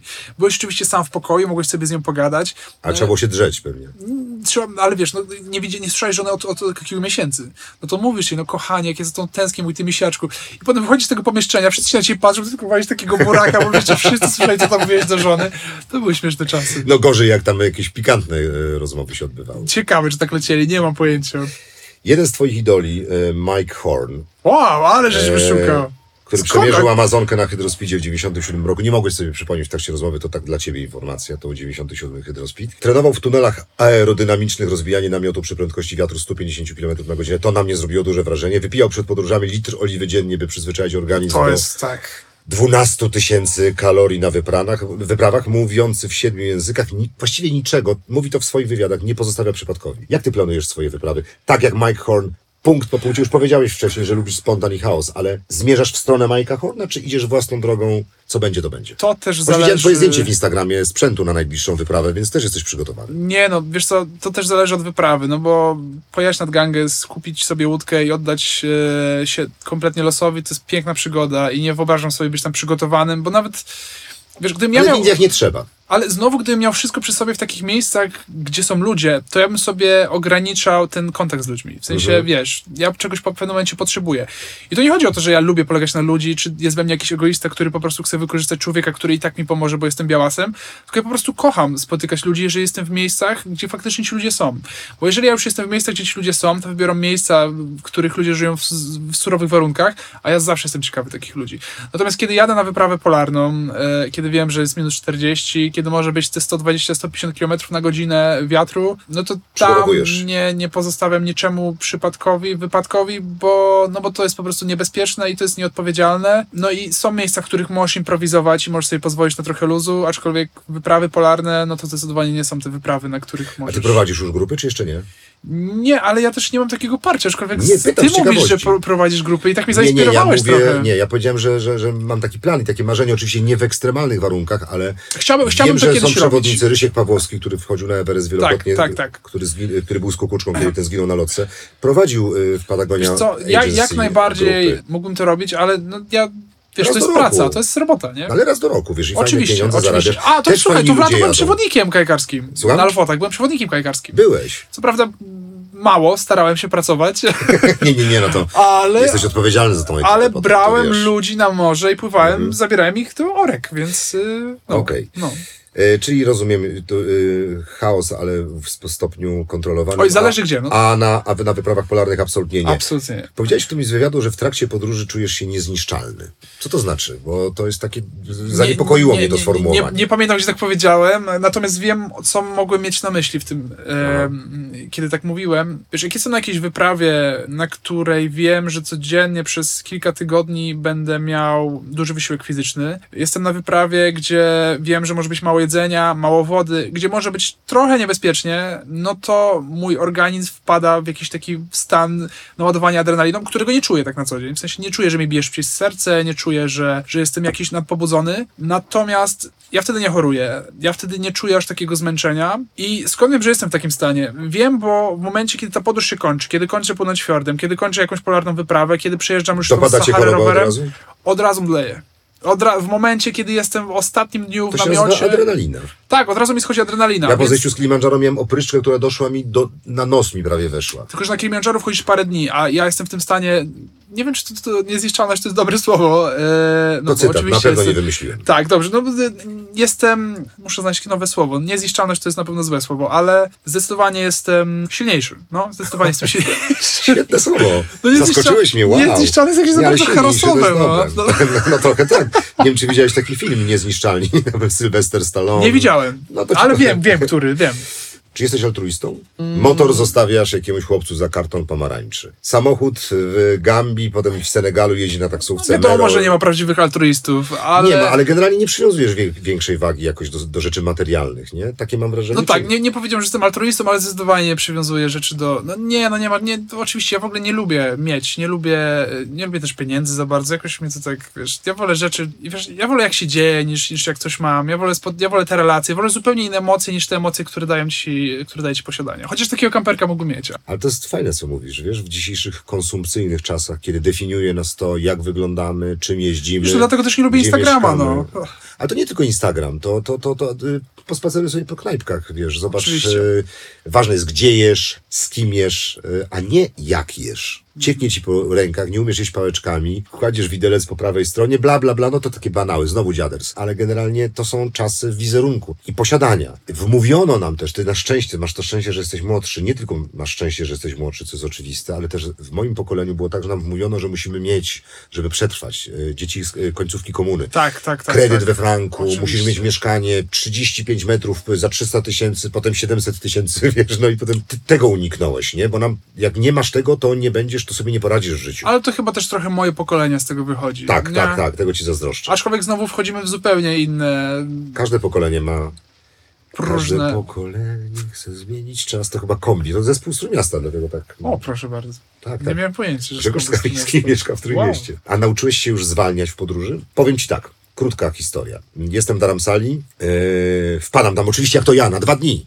Zaraz Makleo Ganj, może Dalaj Lamę zobaczę, potem pędzę tutaj na słynną pocztę, wyślę, wyślę kartkę ze znaczkiem, ale mam jeszcze tylko 8 godzin, bo potem już do, już do, już potem po, już koleją, yy, koleją himalajską w stronę, w stronę Armitsaru, wiesz, no już wszystko, wszystko zaplanowane, nie? Bo potem, wiesz, Sikhowie mam tutaj dwa dni, potem to, potem tamto, granica, wiesz. Jeszcze z Sikhami szybko przerwę, powiem ci śmieszną historię. Dawaj, ale E, przerywaj, no właśnie. Wiesz co, y, w Indiach chodziłem całkiem regularnie na, na treningi, na siłownię po prostu. I wyobraź sobie, że jak jesteś, yy, Sikhowie są w Rajasthanie, w, w gdzie oni to mieszkają? E, Oni mieszkają w w Pandżabie chyba, nie? Punjab, tam, Amritsar to jest Punjab, tak. Wyobraź sobie, że oni noszą te, te, te turbany wszędzie. No. Tak, i mają włosy nawet w uszach. W, Mają, oni podobno tych włosów nie mogą ścinać, zresztą podobno też przez nich w liniach lotniczych jest taki przepis, że możesz wejść w kasku, więc jak masz kask motocyklowy, to możesz sobie w nim wejść na pokład samolotu właśnie przez to, że Sikhowie chodzili sobie w tych turbanach. Ale wyobraź sobie, że nawet jak wchodzisz na siłownię, to wszyscy tam ćwiczą w turbanach, no to po prostu tak komicznie wygląda, no ale to jest piękne, no, no fajne, fajne. no to jest, fajne. po to podróżujemy, żeby takie rzeczy właśnie Dokładnie, tego dokładnie. doświadczać. Widzisz człowieka, który na bieżni biegnie w turbanie, wyciska w turbanie, no niesamowite to jest. Jestem w tej Dharamsali, wracam. e, I siedzi tam taki Niemiec na materacu z psem, z gitarą, ewidentnie lekko cofnięty, tak wiesz, taki ten. Ja go pytam, słuchaj, jak tutaj dojść do, do, pała, do, do pałacu Dalaj Lamy? On mówi, nie wiem. Ja mówię, jak to nie wiesz? To przecież to jest największa atrakcja okolicy. On mówi, no wiesz co, jakoś za tydzień się wybieram, mówi do mnie. Ja mówię, jak to za tydzień? No ale to nie, tak sobie siedzę, tu pieska tam znalazłem, wiesz, tam tu sobie schodzę tylko coś zjeść, tutaj sobie gram na gitarze. I wiesz co, oczywiście to, była, to jest skrajny przykład, ale ja mu trochę pozazdrościłem, nie? Bycia poza czasem i bycia mm, właśnie tak, tu i teraz. To chyba modne określenie, ale pasujące do tej sytuacji. Też wiedziałem, że ja nie mogę tak funkcjonować, niestety. A czy ty czegoś takiego się nauczyłeś? Że nie musi być ekstrem, że nie musi być przygody, że może być taki zwykły, kompletnie nieciekawy, pozornie w cudzysłów to biorę, dzień. Oczywiście, no ale tego nie jest się łatwo nauczyć. To jest bardzo ciężko zrozumieć. Wiesz, gdzieś to kiedyś usłyszysz, żeby spowolnić, żeby zatrzymać się w czasie, gdzieś to do ciebie trafia, ale no to jest zupełnie inny game changer, kiedy, kiedy dojdzie do ciebie e, to uczucie, że ty spowolniłeś, że łapiesz chwilę tu i teraz i że nie masz potrzeby pędzenia. Gdzie się zatrzymałeś, yy, na przykład na parę dni, czytając książki, nie wiem, patrząc na góry? Wiesz co, w wielu miejscach, ale przede wszystkim to, że nie mam już w sobie tego uczucia, że muszę od razu wsiadać na motocykl i muszę jechać od wschodu do zachodu, albo że muszę przejść tyle od wschodu do zachodu. Ja się chyba tego nauczyłem, znaczy oczywiście długo się tego uczyłem, bo to nie było tak, że jedna rzecz mnie tego nauczyła, ale na wyprawach polarnych często jest tak, że nie możesz po prostu wyjść, bo jest zamieć śnieżna. Jest, jest taka zamieć śnieżna, że jak wyjdziesz zrobisz pięć kroków od namiotów i się obrócisz, to już tego namiotu nie widzisz. No i musisz iść w tym namiocie jedną noc, drugi dzień, drugą noc, trzeci dzień, trzeci, trzecią noc. No i siedzisz i nic nie robisz. Na czym polega nic nie robienie w namiocie? Bo ja o innym nic nie robieniu y, myślałem. Myślałem bardziej o spacerowaniu po jakiejś wiosce, w której się po prostu dobrze czujesz, a to jest prawdziwe nic nie robienie. Wtedy się czyta, co się robi. wiesz co, no na pewno i tak całą, czy, czy parę godzin w ciągu dnia to jest roztapianie wody na śnieg, ale i tak siedzisz w ciszy, słyszysz tylko coś takiego, co my teraz słyszymy, czy ewentualnie swój palnik słyszysz, no i masz może możliwości, no, na tym morzu arktycznym. Możesz dużo spać, możesz czytać książkę, możesz nic nie robić po prostu. A jak się nie robi nic? No i to jest cała zagadka życia, no. Ale nie myślisz wtedy? Yy, nie Wiesz co, ja- nie, ja- dopada, nie dopadają ci jakieś, wiesz, yy, a po co ja to robię? Złe myśli, Złe myśli. No, E, chyba bardzo rzadko dopadają mi myśli pod tytułem po co ja to robię. Za bardzo lubię to robić i za dużo mi to daje, żeby mnie kiedyś te myśli dopadły. Wiesz co, ja kocham rowery, ale przy niektórych A podjazdach gdzie, na co dwa... ty jeździsz w ogóle? Bo ja tak nie... No wiesz co, no Armenia, Białoruś, Gruzja, no, no nie Czyli ty masz kopyto w takim razie, Rumu- tak? Mam, mam. I wiesz co, i jak są naprawdę duże podjazdy, to wiesz, ja też nie jestem sportowcem, nie? Nasze wyjazdy polegają na przemieszczaniu się z punktu A do punktu B. W Czym Armenii... się gra, gravelami jakimiś? E, Nie, ja jeżdżę trekkingowym rowerem. Ja Okej. wiesz, i ja na przykład w Armenii miałem 600 km po tym tygodniu jazdy, a kolega miał 120 i nikt nikogo nie ocenia. Po prostu Okej. miał, no, brał podwózki, bo mu się nie chciało. Zaimprezował bardzo intensywnie z Ormianami. Następnego dnia rano po prostu machnął ręką i, i podjeżdżał sobie te 70 km tego dnia transportem, wiesz, samochodowym, że tak się wyrażę. Każdy jak chce, nie? To Tak, w ogóle tak, nie tak, kompletnie. tak, I każdemu się zdarzyło wziąć podwózkę i zdarza nam się na tych wyjazdach brać podwózki, mamy, wiesz, no my też mamy A czy ty masz sakwy też po założone 50 tych. Mam sakwy, mam plecak, mam... Ten rower jest ciężki. No, Yy, W Turcji w zeszłym roku 90 po 1500 metrów przewyższeń dziennie. tak. By- Ja parokrotnie, a prowadzenie roweru było regułą. W pewnym Musisz sprawdzić góry Atlasu, jeszcze są super. wiesz co, to o Dżebertugal też cię chcę zapytać. Marrakesz, byłeś? Byłem. Tam, dobra, to za chwileczkę, jeżeli, je, jeżeli, jeżeli, starczy nam, jeżeli nam starczy y, czasu. Słuchaj, troszkę chciałem cię podpytać już o konkrety, bo tak gadaliśmy w ogóle o idei, o internecie, o, to, o tym, kim jesteś. Y, wróciłeś właśnie z, z, z, ze Związku Radzieckiego dawnego, z tej wschodniej części Myślałem, że o związku Azja- będziesz gadać, jak to zacząłeś, aż mi serce zaczęło szczywić. Nie, nie, nie. Ten Kirgistan, Kazachstan, e, Tadżykistan, Uzbekistan. Tadżykistan, Uzbekistan. Tak, tak, Jedno z moich marzeń częściowo zrealizowane. Tam dużo pisałeś na temat te, tych wyjazdów. Wiem, że też jeździłeś w śniegu i, i w lodzie, co na mnie zrobiło spore wrażenie. I gdzieś powiedziałeś, że często się wywracałeś. Wywrotka Tak. na motocyklu jest niezwykle niebezpieczna, a ty się często wywracasz i nic się nie dzieje. Wiesz co, jechaliśmy, oczywiście zrobiliśmy 5000 km przez Kazachstan, Uzbekistan, Kirgistan, e, Tadżykistan, no i zrobiliśmy około 1000 km na tak zwanej pamirskiej e, autostradzie, czyli Pamir Highway, jest to jakiś tam mokry sen motocyklistów pewnie, druga najwyżej położona chyba autostrada na świecie. E, Ja jechałem Karakorum Highway, to jest y, niżej czy wyżej? Nie mam pojęcia, czy Karankorum, aha, Highway to też jest autostrada. To, Oni tak nazywają, to nie ma nic Tak, wspólnego tak. z autostradą. Wiesz co, ja sprawdziłem, co to w ogóle znaczy autostrada i to chyba znaczy, że masz dwa pasy, w sensie, że z jednej i z drugiej strony jedzie auto i to jest już to autostrada. tam często nie było dwóch pasów. No to u mnie też nie było Na dwóch przełęczy między pasów. Kaszmirem a Ladakiem, no to wiesz, no to... No, A, czyli ty byłeś między Kaszmirem a Ladachem? Tak, tak. Okej. I byłem przesze- Czym- czym ty tam jechałeś? Przeżyłem gdzieś autobusem, autobus, autobusem Deluxe. O, o, Nie chciałbym wsiąść do autobusu Lux. ale Deluxe to nie, nie do Deluxe, to jest Lux No akurat, nie, co? uwierz mi, że nie. Nie, nie, nie. nie no, jak na moje standardy nie.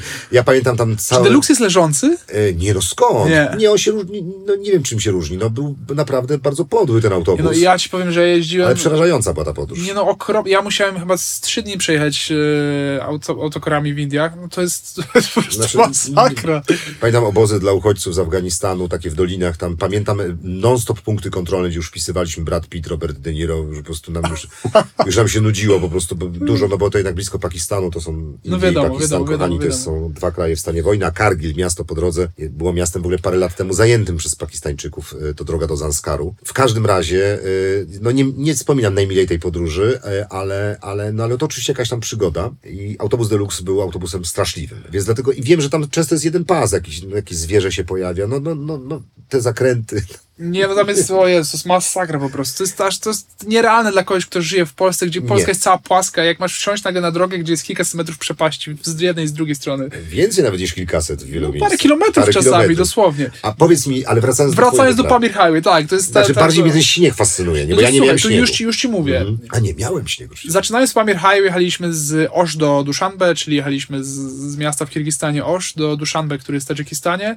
Bo Osz generalnie zaczyna się tak w miarę oficjalnie ta pamirska trasa, chociaż ona tam jest oczywiście... Biegł tamtędy jedwabny szlak też. Jedwabny szlak, biegł tamtędy pamirską trasę zbudowali Ruscy chyba w 40 gdzieś tam latach. No i ona jest zamknięta. W sensie, jeżeli jesteś z Kirgistanu, nie możesz wjechać do Tadżykistanu. Jeżeli jesteś z Tadżykistanu, nie możesz wjechać do, do, do, do, do, do, do, do Kirgistanu. Tą Ciekawe granicę, bardzo. Bo oni byli w stanie wojny kiedyś i oni się zamknęli już ze sobą. Na zawsze. E, No, na póki co tak. No.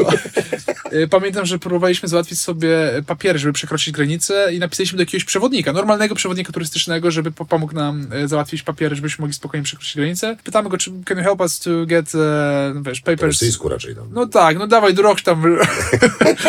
no i wiesz, e, i on powiedział, a nie, on, po- on po angielsku napisał e, fuck, fucking Tadżykistan, they attack us, nie? Także widzisz, oni myślą, niektórzy wciąż myślą, że oni są w stanie wojny. Oczywiście oni nie są już w stanie wojny, ale coś tam się działo w tym Pamirze. No i to przejście jest otwarte tylko dla turystów. No i jeżeli tam jest lato, to faktycznie pewnie sporo jest tam tych wycieczek turystycznych, chociaż nie wiem, bo nigdy latem tam nie byłem.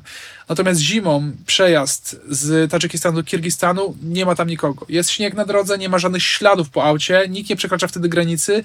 Ona jest zasypana, droga jest bardzo ciężka, na tą drogę wylewają rzeki, więc te rzeki w ujemnej temperaturze zamarzają i ten przejazd tym pasem niczyim z Tadżykistanu do Kirgistanu to jest około 30 km po prostu jazdy po głębokim, głębokim śniegu. Ale jechałeś czy prowadziłeś ten motocykl? E, częściowo jechaliśmy, częściowo prowadziliśmy, one nam upadały. Wiesz, ja nie upadałem nigdy przy, na, na motocyklu przy 80 na godzinę, ja upadałem przy 20 może, co nie zmienia faktu, że i tak się poobijałem, czy 15, ale my się co chwilę wy, wywaliliśmy. Jedziemy, jedziemy, gleba, lód, jedziemy, zwalniasz gleba, wiesz, i jesteś na 4000 metrów, 4500 metrów i musisz wyciągnąć teraz ten motocykl, który cię przywalił na bok, jeszcze on wpadł do śniegu, w ogóle to była straszna męczarnia, tam, wiesz, mało tlenu, my zmęczeni, co chwilę musimy coś podnosić, lód, musimy pchać się nawzajem, żeby gdzieś tam podjechać. Tam naprawdę bardzo, bardzo mało zabrakło, żebyśmy zawrócili z tej trasy i nie dokończyli. No, tak było. Może to dzięki medalikom e, od mamy, które ci wkłada do plecaka. No, ale jesteś przygotowany. Tak, tak, moja mama, znalazłem też pod koniec teraz podróży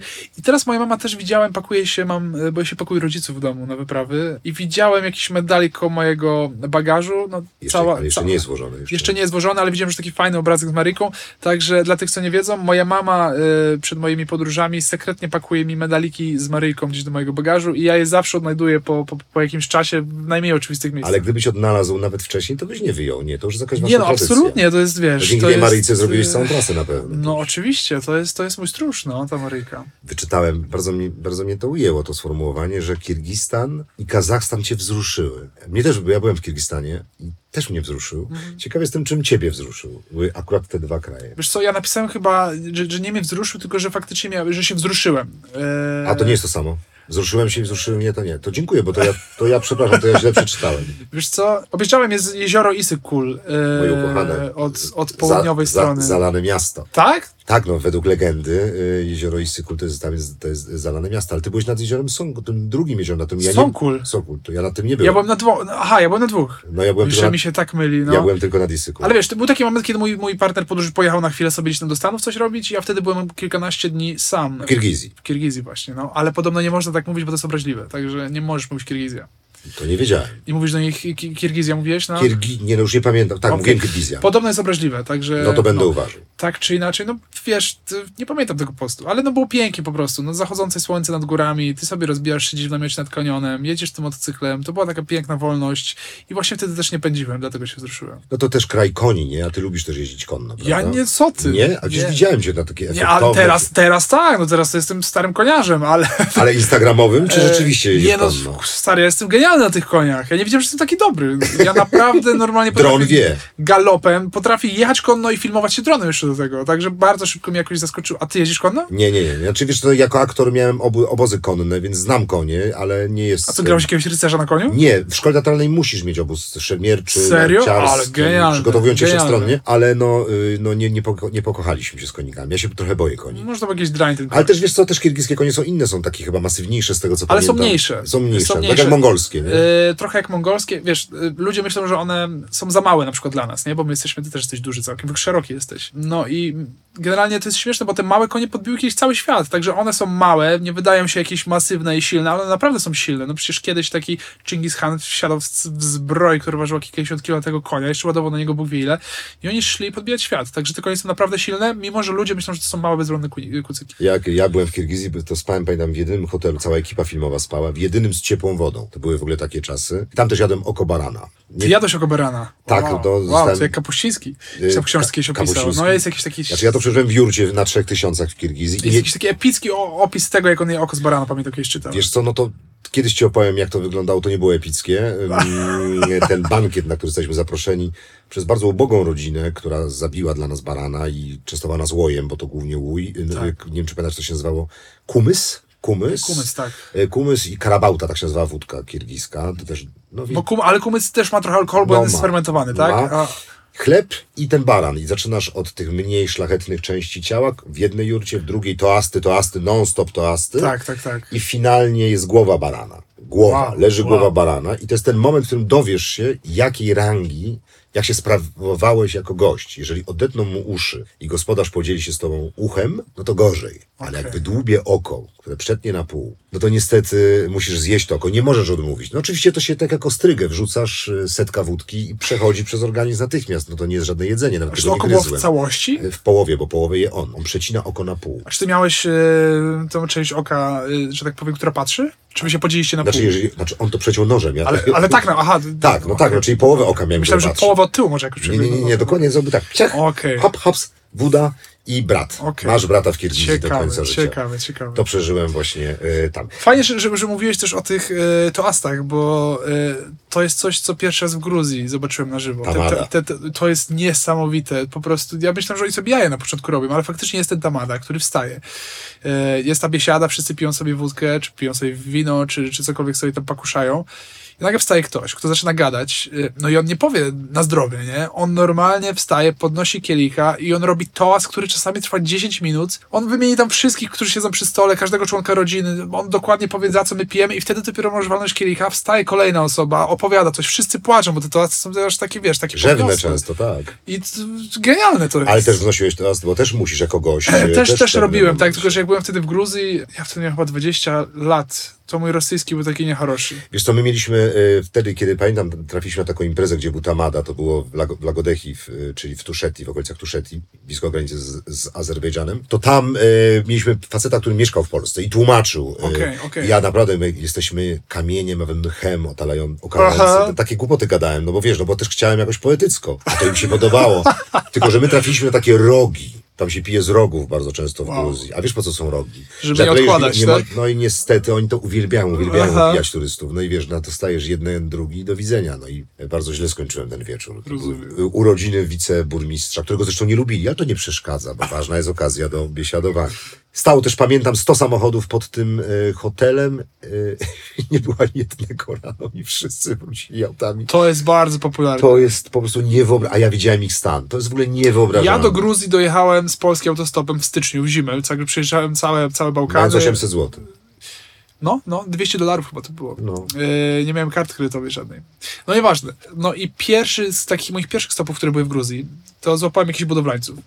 Otwiera się te, te czwórka, wsiadam z tyłu, nie? Tu mieli jakiś taki stolik, gdzieś tu ogóreczki, jakaś tam, wiesz, ta, jak się nazywa ta pizza taka dobra, jak taki chleb z serem, boże. E, wiesz co, no to się nazywa... E, Ciapa- e, hacza, haczapuri. O właśnie, to jest genialne. Boże, jakie to jest Badżarsku z jajkiem, nie? No, Wspaniałe. genialne to jest. No i tak, no i oczywiście polane kielonki. E, każdy dostaje swój... Czacza? Czacza, oczywiście czacza polana. No i wzniesiemy toast, wszyscy się walimy, wiesz, tam e, kubkami. No ale kierowca też się odwraca, też wali, też wali szota, nie? No i to Nie, jest normalne, absolutnie normalne, normalne.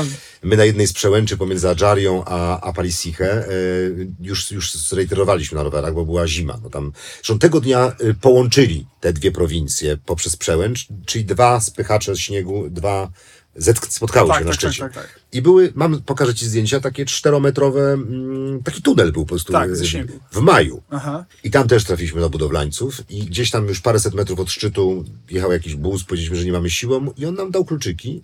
Ja mówię, co ty? Mówi, to przejedziecie i tam zostawcie. No i normalnie, wiesz, samochód został zostawiony na poboczu i z kluczykami. To, to, jest ten poziom gościnności.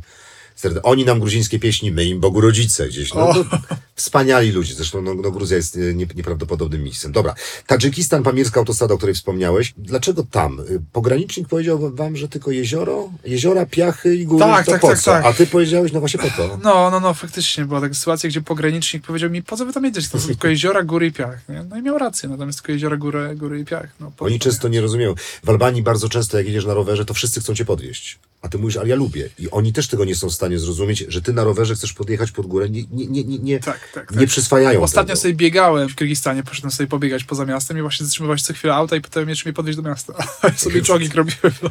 No nie, no to w ogóle też jest niezrozumiałe. Kiedy jechaliśmy z Ladaku, z Lechu do Manali, piękna trasa ponad 5000 przełęcz, spaliśmy w takiej jurcie, bo, a propos, gdzie spaliście? Bo my spaliśmy w takiej jurcie na 4000, jest taka, przed przełęczą jest, prze, y, jest są takie jurty nad, pod wieloma kocami się śpi. Ja w, albo w namiocie, albo w jakichś chatkach. Albo takich, chatek. No no. chatek tam nie było, ale o co innego chcecie zapytać. Ta droga jest w straszliwym stanie, no chyba przygotowywana zresztą przez kastę niedotykalnych, bo tam mam wrażenie, że oni tam żyją i, i każdego dnia remontują te drogi. I nawet w lipcu ta droga jest no, oblodzona mm, Oczywiście. niżej, y, wodospad za wodospadem, no w straszliwym stanie. I powiem Ci, że nasz kierowca to odlatywał, nie? Na wysokości kopiątki, nie? Znaczy on ewidentnie, bo bez aklimatyzacji, Tak. szybki podjazd, no Lech jest na 3,5 tysiąca, no ale tak czy siak, no y, ta zmiana powodowała, że cały czas trzeba było do niego gadać, szczypać, bo ja widziałem, że on zasypia. Wow. Jak Ty znosiłeś wysokość? O, ale to ciekawe, że mówisz, że lokalny człowiek y, odlatywał. Może nie był no. lokalny, może... Może, może, Może pierścień w prasę. Może był bratem z Deli, który New Delhi przyjechał. przyjechał, rzeczywiście. E, No, nie no, było okej, nie? Oczywiście byliśmy bardziej zmęczeni, ale jakoś szczególnie akurat na motocyklowej wyprawie nie, nie odczułem tej wysokości. W ogóle nie miałeś z tym problemu. Nie, nie, nie. Znaczy problemu pod tytułem problemu nie miałem absolutnie, ale no faktycznie, e, wiesz, my też spaliśmy w namiocie, było minus 20, e, Mhm. byliśmy zmęczeni, więc na pewno byliśmy trochę rozjechani tym wszystkim, no to, to nie było nic aż tak ciężkiego. W jakiej jesteś formie? Teraz? Tak, masz jeszcze siłę? Tak. Dobrze, bo chciałem przejść do, do tej wyprawy, która zrobiła z ciebie gwiazdę. Dobrze, E, Do Sondej Fjordu. tak. E, Kto wymyślił tę nazwę? So, Sondefjord? Wiesz co, nie wiem. Dobra. Tak? Znaczy ja w ogóle nie Ja chyba, nie, wiesz to, to z Sognefjordem było tak, To że... ładne, to sam, że już wymyślasz nazwy geograficzne. E, ale wiesz, ja tak znalazłem go, ja popatrzyłem na niego i e, no i zobaczyłem, że on ma nazwę podobną do mojego nazwiska, więc tak na niego padło. A to, że on był najdłuższy, to ja nie mam tego pojęcia do mnie. Nie jest najdłuższy, jest drugi. Jest drugi najdłuższy, ale ten pierwszy, który jest najdłuższy, jest zalodzony też częściowo, więc generalnie wydaje mi się, że taki przepływalny fjord najdłuższy to jest chyba Sognew. Okej. I tam tracisz 7 kilo, w Indiach przytyłeś 8, ty w ogóle masz O takie, w Indiach tyle masz takie spore tak, wahnięcia, tak, a to tak. dobre żarcie. E, masz spore wahnięcia. E, Panie przytył widek, jak pierwszy rzuci kamieniem. Packcraft. Dużo o tym opowiadasz w wywiadach. Nie chcę się bardzo, ale, ale w ogóle zainteresowałem się. Wiesz, zacząłem googlować, co to w ogóle jest, połączenie kajaka z pontonem. Czy to jest tak, że wpadłeś na ten pomysł, y, czy to był tak zwany projekt, zrobię coś, czego nie zrobił nikt, czy po prostu naprawdę ci się spodobały te kazalnice, te ściany górskie? Wiesz co, Chodzi mi o imperatyw wyboru kierunku. No to ja tego nie miałem robić na początku. Na początku Okej. miałem zrobić sobie wyprawę trzymiesięczną przez Laponię, gdzie miałem maszerować od morza do morza, od Morza Norweskiego gdzieś tam do, aż po Rosję miałem Świetne. zamaszerować. I tak, miałem częściowo iść, częściowo miałem spływać jakieś tam fińskie rzeki, dlatego chciałem mieć Packraft. No i popatrzyłem na mapę, patrzyłem ile to jest kilometrów, miałem za chwilę wracać na statek i sobie myślę, no kurde, nie zdążę, no, a, a fajnie by było coś zrobić. No to dalej patrzę na tą mapę Norwegii, szukam czegoś fajnego, sobie pomyślałem, że fajnie by było popływać z wielorybami. No dobra, ale gdzie te wieloryby? No to patrzę dalej, patrzę dalej, znalazłem coś. No i znalazłem ten Sognefjord, który właśnie nazywa jak Sondefjord trochę i dlatego się tam wybrałem. A całą trasę, wiesz, ja wtedy pamiętam, że z kumplem usiadłem na telefonie i gadaliśmy chyba przez dwie godziny i, i, i tak się zastanawialiśmy, co mógł tam zrobić, jakbym popłynął. Nawet nie wiedziałem, jakie tam są warunki. Wiesz, ja wcześniej pływałem packraftem i pływałem e, po morzu kajaka, kajakiem, ale ja nie, absolutnie nie byłem doświadczony, jak to robiłem. Wszystko przygotowałem bardzo szybko, po dwa tygodnie. Packrafta sobie załatwiłem, zadzwoniłem do jakiegoś pana, spytałem, czy mi da e, swojego packrafta. E, także pozdrawiam e, Bernarda z Sopotu, który dał mi packrafta.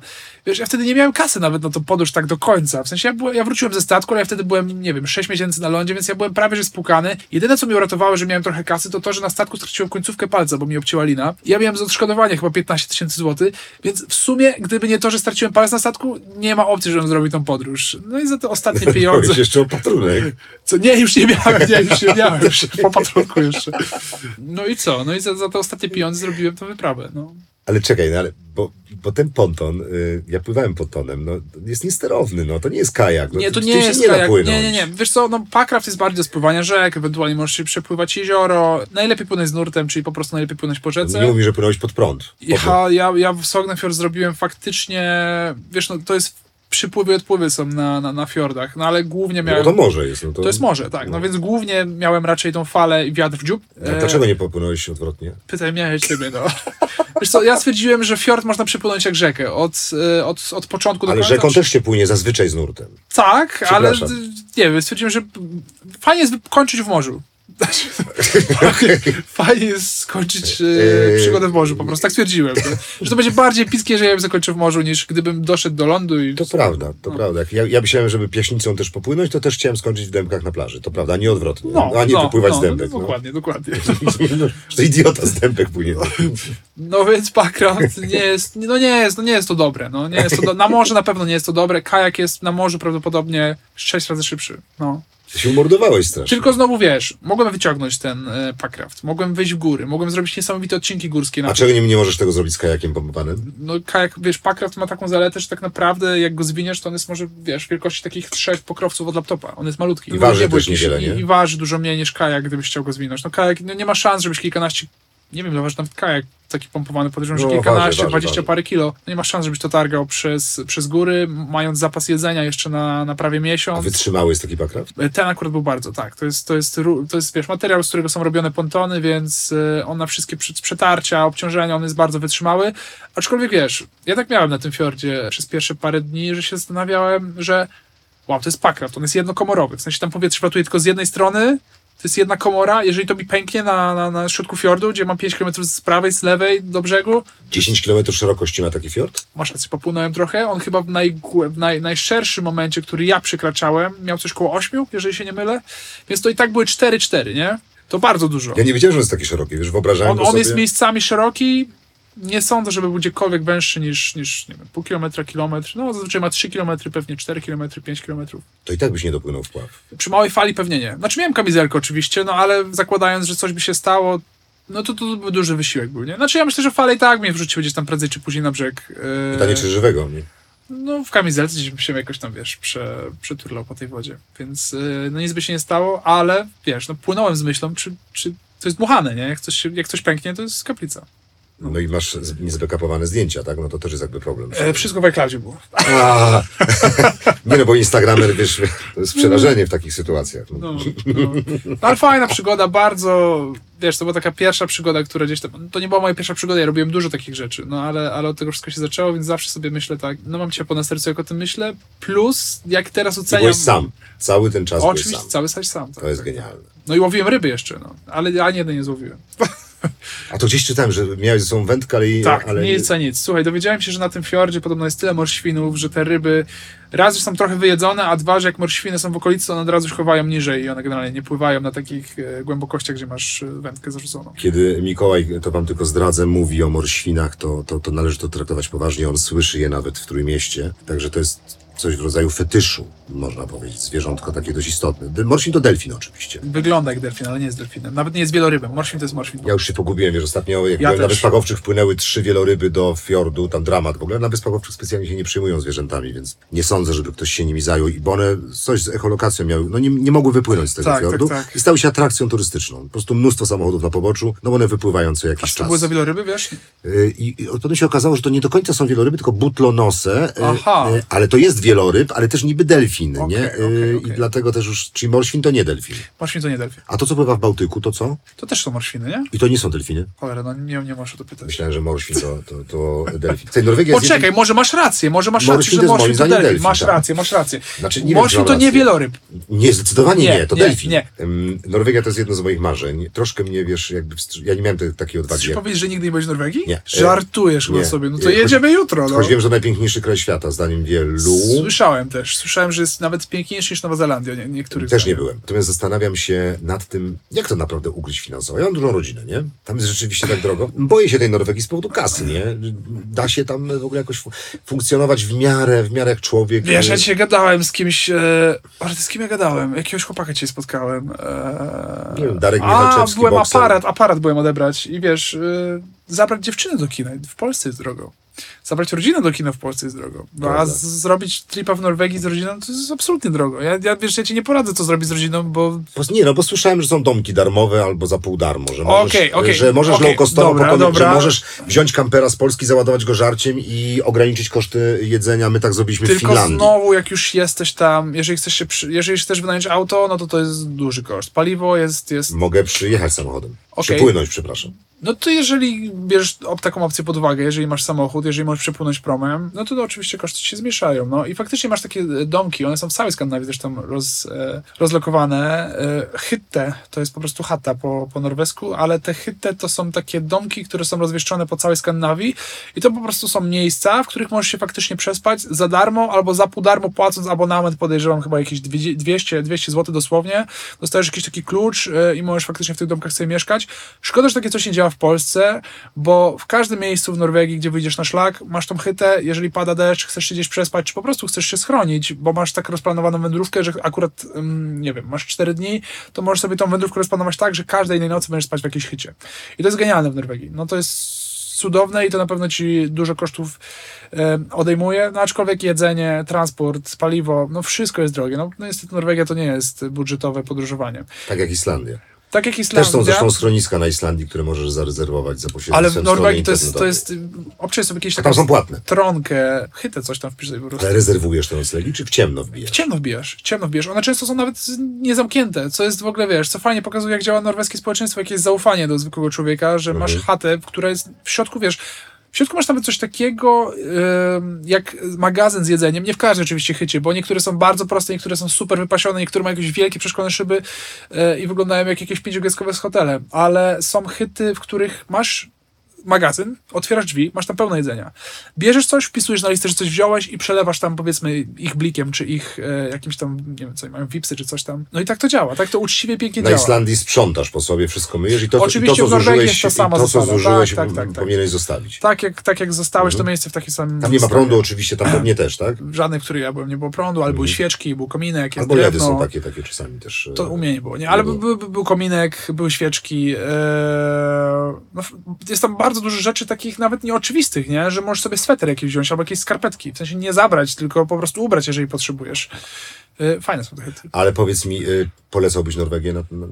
Na tanie podróżowanie? Nie, nie, na podróżowanie w ogóle. Oczywiście, żebym polecał. No, to jest zdecydowanie miejsce, które no, nie ma chyba takiej drugiej natury w Europie, no bo masz i morze, i fiordy, i góry, i lasy, Czy podobno wodospady. widokówka za widokówką, landschaft tak, za tak, landschaftem. tak, tak, to jest zdecydowanie, zdecydowanie. Czyli raj dla instagramerów. Również. Pewnie tak. No, chyba jest.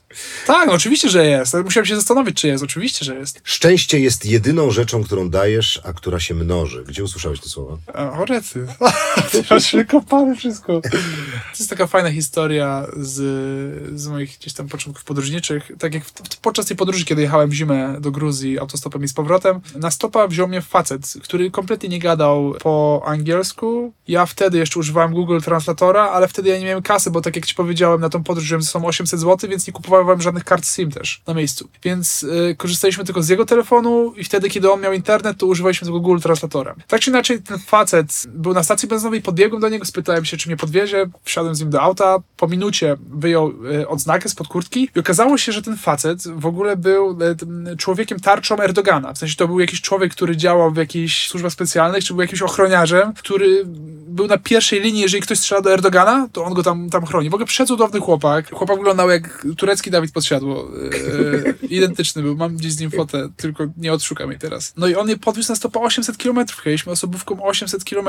No to, to, to całą Polskę byśmy przejechali. Oczywiście gadaliśmy kilkoma angielskimi słowami na krzyż, które on tam znał. E, No i w pewnym momencie gdzieś tam się obudziłem w tym aucie. Wysiadamy w, na dworcu autobusowym. On wrócił jeszcze jak ja spałem. E, Wręcza mi bilet. E, No i okazało się, że nie chciał, żebym resztę teraz pokonał autostopem. Kupił mi bilet na autobus na dosłownie kilkaset kilometrów chyba z Ankary do, do Istanbulu. No i na translatorze, na Google Translatorze miał już przygotowany tekst. Podszedł do mnie, pokazał mi e, i, i tam e, w tym tekście było coś mniej więcej w stylu, że mój Bóg mówi, że szczęście jest jedyną rzeczą, którą e, jak się dzielisz, to, to się mnoży. No. I, i, wiesz, historia. i o tyle, co Google Translator, wszystkie te nasze rzeczy, które do siebie gadaliśmy, Tłumaczył debilnie. fatalnie Mhm. debilnie, nie wiadomo tak naprawdę do końca było o co chodzi, to w momencie, kiedy on napisał ten tekst, to idealnie wszystko się dobrze przetłumaczyło i wiesz, no, fajna historia. Wiesz co, ja pamiętam taką historię, kiedy wjeżdżaliśmy na przełęcz, taką prawie 2,5 tysiąca metrów w Armenii. Ja akurat na ten przełęcz wjechałem, a, a mój przyjaciel nie i, i podwiózł go facet ładą, ładą niwą, czy tam jakąś inną i chciał mu dać jakieś pieniądze na, na tej przełęczy, na szczycie, a on wtedy powiedział Деньги to krow, ludzie to lubow. Okej, Pieniądze to krew, ludzie to miłość. Wow. I nie wziął pieniędzy. pięknie. No, tam są dobrzy ludzie. Dobrzy ludzie. na Wszędzie świecie. są Zresztą dobrzy w Turcji ludzie. też, kurczę, to wspaniały kraj. Jak byłeś w Gambii, ja nie chcę tego tematu bardzo jakoś rozwijać, ale chciałem cię podpytać teraz prywatnie, bo tu w tym podcaście była Agata Chybińska, która mieszka w Gambii. Znasz Agatę? Czy Agata, y, Boże, czy, Po, pomaga tam, zajmuje, ma... a czy Agata pracowała gdzieś w TVP? Tak. No to ja znam Agatę, No oczywiście. to Agata była tu, siedziała w tu, tu, na, tym, na tej Co kanapie. Rozmawialiśmy o Gambii. Wow, wow. I wiesz, i, i tam zresztą zaprasza do Gambii i, i ona pomaga tam całym, no, całej społeczności, ale też i dzieciakom, bo chce, żeby się pojawił ten element w naszej rozmowie, że to nie jest tylko pasja, e, okej, nie młodego faceta z dużą kasą, tylko faceta, który sobie zapracował na to, wywalczył tę możliwość podróżowania i tak dalej, ale jednak robisz to dla przyjemności zdecydowanie. Ale też w Gambii robiłeś rzeczy dobre. Robiłeś te rzeczy dobre w ogóle. Wycofuję. Robiłeś, te- Zdarzyło mi się robić robiłeś rzeczy dobre rzeczy dobre. dla innych w tym Tak, sensie. tak, tak. Wiesz co, to też były... My wtedy z Dominiką byliśmy parę miesięcy gdzieś tam w południowo-wschodniej Azji, kręciliśmy się po Laosie, Wietnamie, Tajlandii i tak dalej. No i chcieliśmy zrobić coś po czasie razem. Ja wtedy wyjechałem na, na pół roku do Norwegii, gdzie byłem drwalem. Yy, To był chyba już mój drugi albo trzeci raz w Norwegii. Ostatni, gdzie gdzieś ścinałem drzewa. No i wiedziałem, że jakaś Nigdy nie wiesz, czy ostatni, więc... Oby, no, drzewa chociaż chętnie pościnał. Ale e, faktycznie kupiliśmy Mercedesa, pojechaliśmy nim do Gambii i no oboje też wiedzieliśmy, że, że fajnie by było coś zrobić. No cokolwiek zrobić. Oboje byliśmy wcześniej w krajach trzeciego świata, e, chociaż nie wiem, czy poprawnie używać tego słowa trzeci świat. Tak czy inaczej, ja wcześniej byłem w Nepalu, byłem gdzieś w jakichś faktycznie miejscach, które wtedy mnie zszokowały, więc wiedziałem, że bardzo małym gestem można zrobić bardzo dużo, a jeszcze większym gestem można zrobić dużo, dużo więcej. Więc wpadliśmy na ten pomysł e, budowy mm, placu zabaw, właściwie kilku placu zabaw w Gambii, w tej odizolowanej części na wschodzie.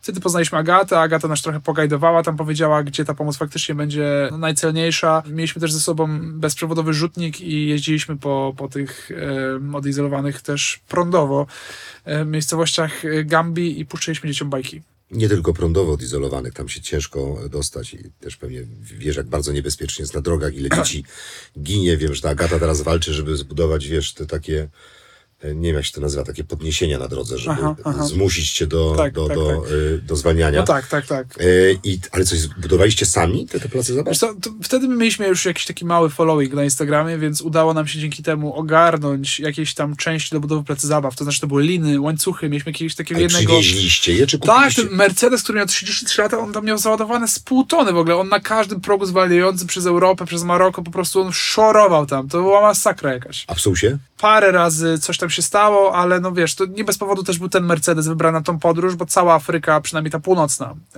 e, od Maroka po, po Gambię, a jeszcze niżej podobno gdzieś tam do Gwinii-Bissau jeździ tymi Mercedesami, więc gdziekolwiek byliśmy, ten Mercedes mógł być naprawiony młotkiem i wszędzie były części, bo wszyscy po prostu jeżdżą tymi starymi, klasycznymi Mercedesami. E, No bo to jest ten 30-letni, to taksówki kiedyś w Polsce. E, były, tak, to jest ten model, co był po beczce. Tak, czy tak. ten już gorszy, bo ta beczka była jeszcze, Jeszcze lepsza Jeszcze, była. no, to był kosmos w ogóle. Okej. Te, te się już w ogóle nie psuły.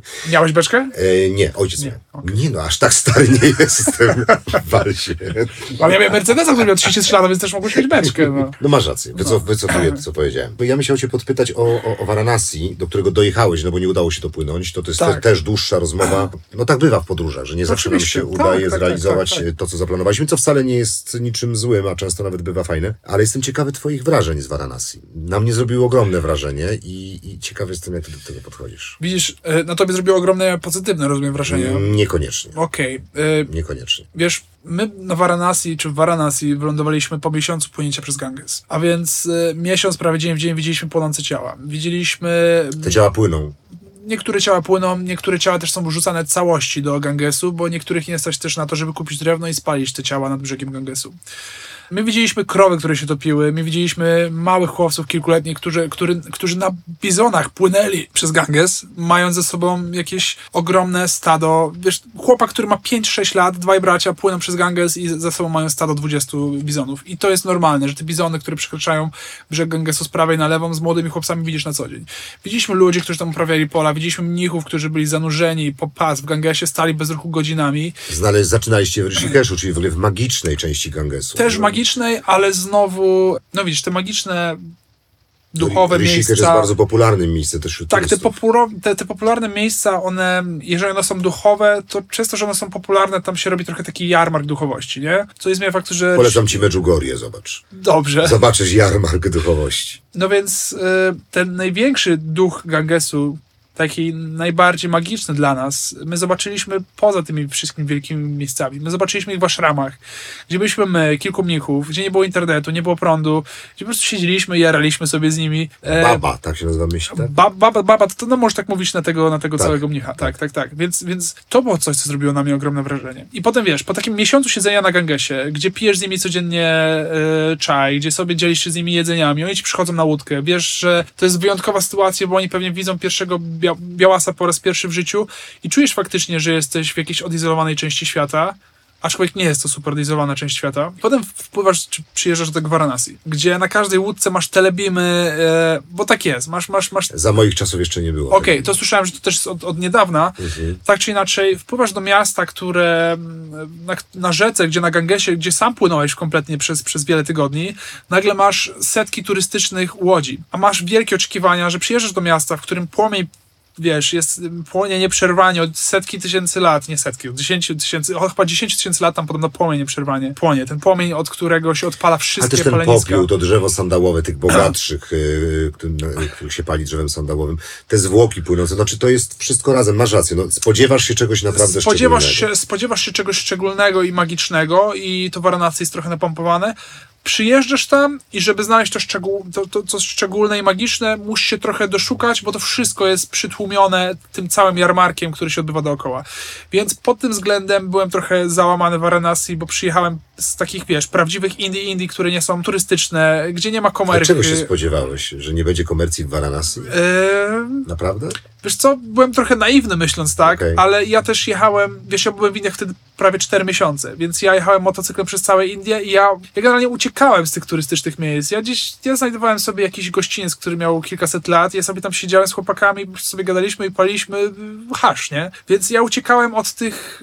Wiesz, w Indiach nie, nie jedziesz po to, w sensie ja nie jechałem po to, żeby zobaczyć Taj Mahal, żeby, żeby przejść się po Delhi, który jest okropny. Okropne, ale Złota Świątynia w Armitsarze jest piękna. No oczywiście, że tam No więc. No, są no, czasami miejsca, które warto zobaczyć, nie? Tak, tak, tak, tak. Też widziałem, że po Rajasthanie podróżowałeś też po popularnych miejscach. E, No, odhaczyłem je na pewno. Tak, tak. Aczkolwiek. Jaya Summer i tak dalej, to są miejsca, które no, które są znane, tak, tak, tak, tak. No dobry hasz tam jest. I dużo wielbłądów. tu dużo trzeba będzie wyciąć chyba. I dużo wielbłądów. I dużo Nie, to wielbłądów. się nie widzi, znaczy robi pi. Okej, okej. A, no dobrze. E, byłeś w Puszkarze? E, No byłem, No, oczywiście. no, No, a, wszędzie wiesz, byłem. No, oczywiście, no widzisz. No, Ale no wiesz, to- ja bardziej fokusowałem się, byłem wszędzie, ale to były cztery miesiące, więc mój fokus przekładałem na Rozumiem. zupełnie Nie, ja inne rzeczy. Nie, oczywiście. nie, nie, nie, nie, ja wiem, no oczywiście byłem, byłem chyba też Taj Mahal, odhaczyłem to, e, To ale Ja tam nie byłem. Tam. nie byłeś? Nie, nie dałem rady. No, no. To, już, to już było za, za, za daleko. Więc nie? wiesz, po tych moich Indiach, które były dzikie, które były nieturystyczne, no przyniosłem się do Varanasi, który jest pewnie jednym z z top 3 najbardziej turystycznych miejsc w Indiach i troszeczkę byłem tym rozczarowany. No, Byłeś też celebrytą w Indiach. Wiem, to jest pytanie, które słyszałeś wielokrotnie, ale to na mnie zrobiło wrażenie.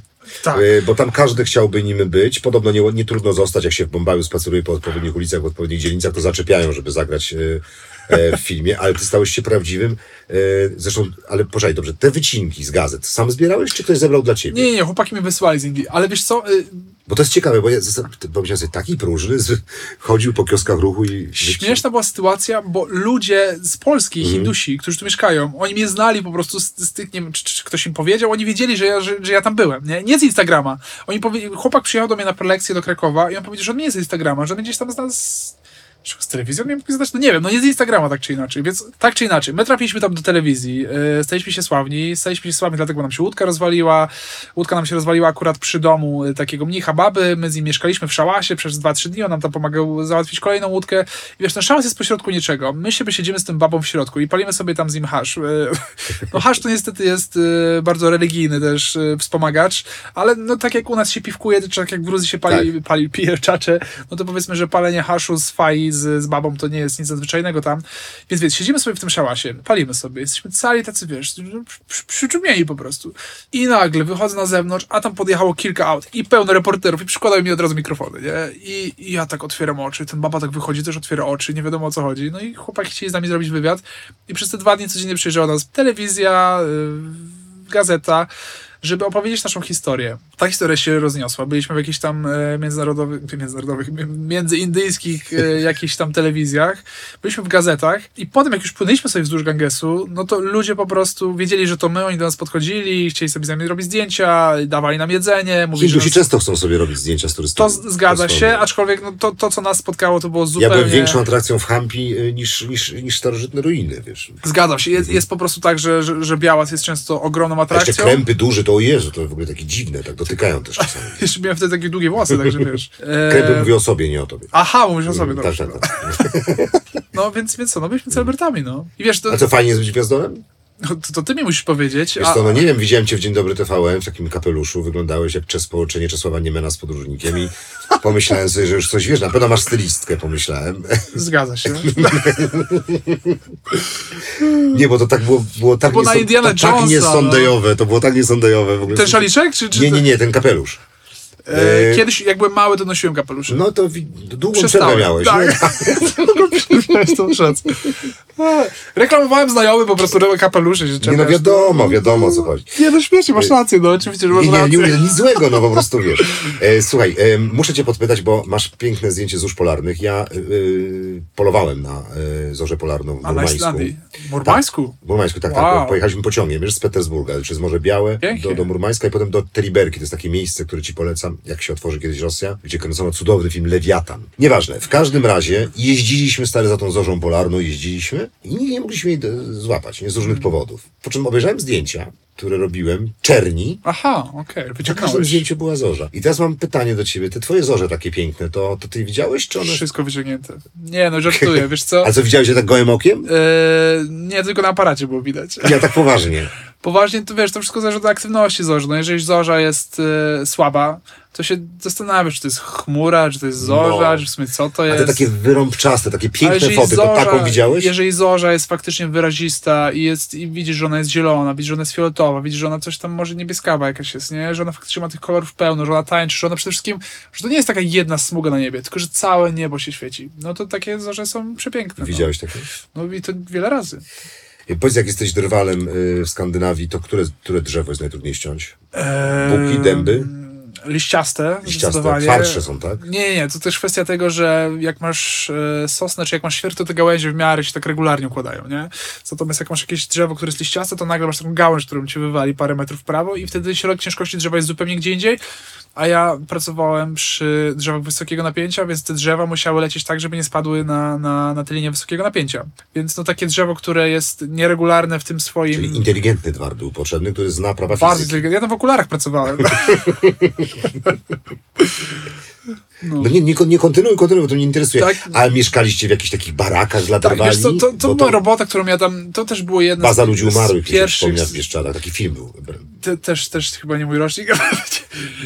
nie, tak? ale nie widziałeś żadnego starego filmu w życiu? Nie no, widziałem, widziałem. No tak, No to, to też nie jest twój rocznik. masz rację. Ale to jest klasyk, no. A Baza umarłych z Bieszczad jest klasykiem? Zdecydowanie. Polskiego kina. Dobrze, dobrze. Mhm. Nadgonię. No przepraszam, jestem trochę ignorantem starych filmów. Ale nie też nie do końca, ale nie widziałem nigdy Star Warsów na przykład.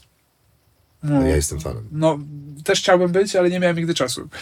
Więc yy, no to była też robota, którą znalazłem sobie, bo chciałem siedzieć na północy i ta północ mnie kręciła, no i zostałem drwalem. No i, no wiesz, no mieszkałem w domkach pokrytym mchem u góry, gdzie można było skosić Ale spaliście razem? Te drwale, jak wyjeżdżają na północ, to są lokalesi, czy tacy y, innostrańcy, jak te, którzy przyjeżdżają z zewnątrz? Mieszanka, mieszanka. Mieszanka. No i byli Norwegowie i w pewnym momencie pracowałem dla tego Norwega sam, więc y, sam po prostu Byłeś siedziałem. jedynym drwa, drwalem? Co, co jest nielegalne generalnie. Nie możesz być sam w lesie na wycince, no ale zdarzało się, że sam y, ciąć drzewa.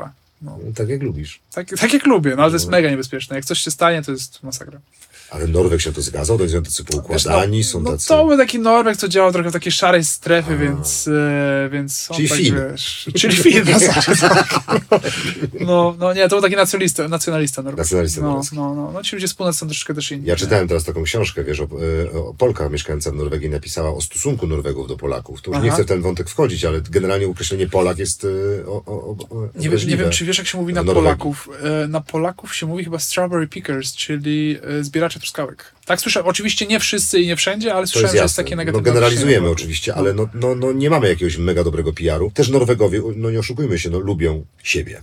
Chyba tak. Lubią chyba bardzo, tak jak. Francuzi, no, tak, tak, no, tak. No, no. Generalnie świat mógłby się kończyć na fiordach, a u Francuzów na bagietkach.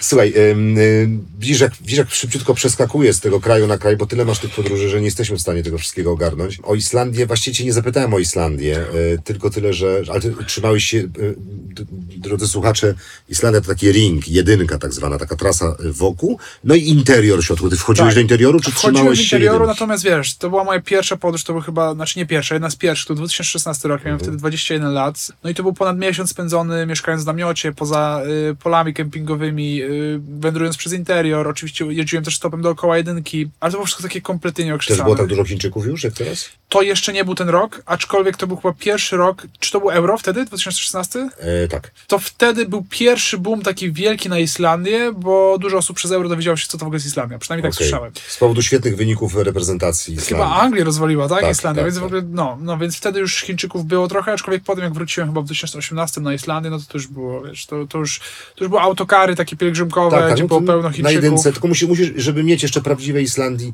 y, kęs, chociaż odrobinkę musisz wjechać w interior. Nie ma- Musisz, aczkolwiek w tym roku wracam, w przyszłym roku wracam na Islandię. Plan jest taki, żeby w marcu zrobić trawers Islandii na snowkajcie, czyli przelecieć ją z północy na, na południe, lecąc przez interior. To jest plan na, na marzec. No. Skurczy. No, to będzie fajne. To będzie, w sensie, to będzie dotychczas pewnie moje takie największe wyzwanie, e, pewnie eksploracyjne czy, czy, czy polarnicze, ale no, no czuję, że już to jest ten moment, żeby, żeby za to się zabrać. Uprzedziłeś moje pytanie. Miałem pytanie, mówisz, mogę ciężej, więcej, dalej. Chciałem zapytać, jaki jest twój limit na dziś? To są twoje słowa.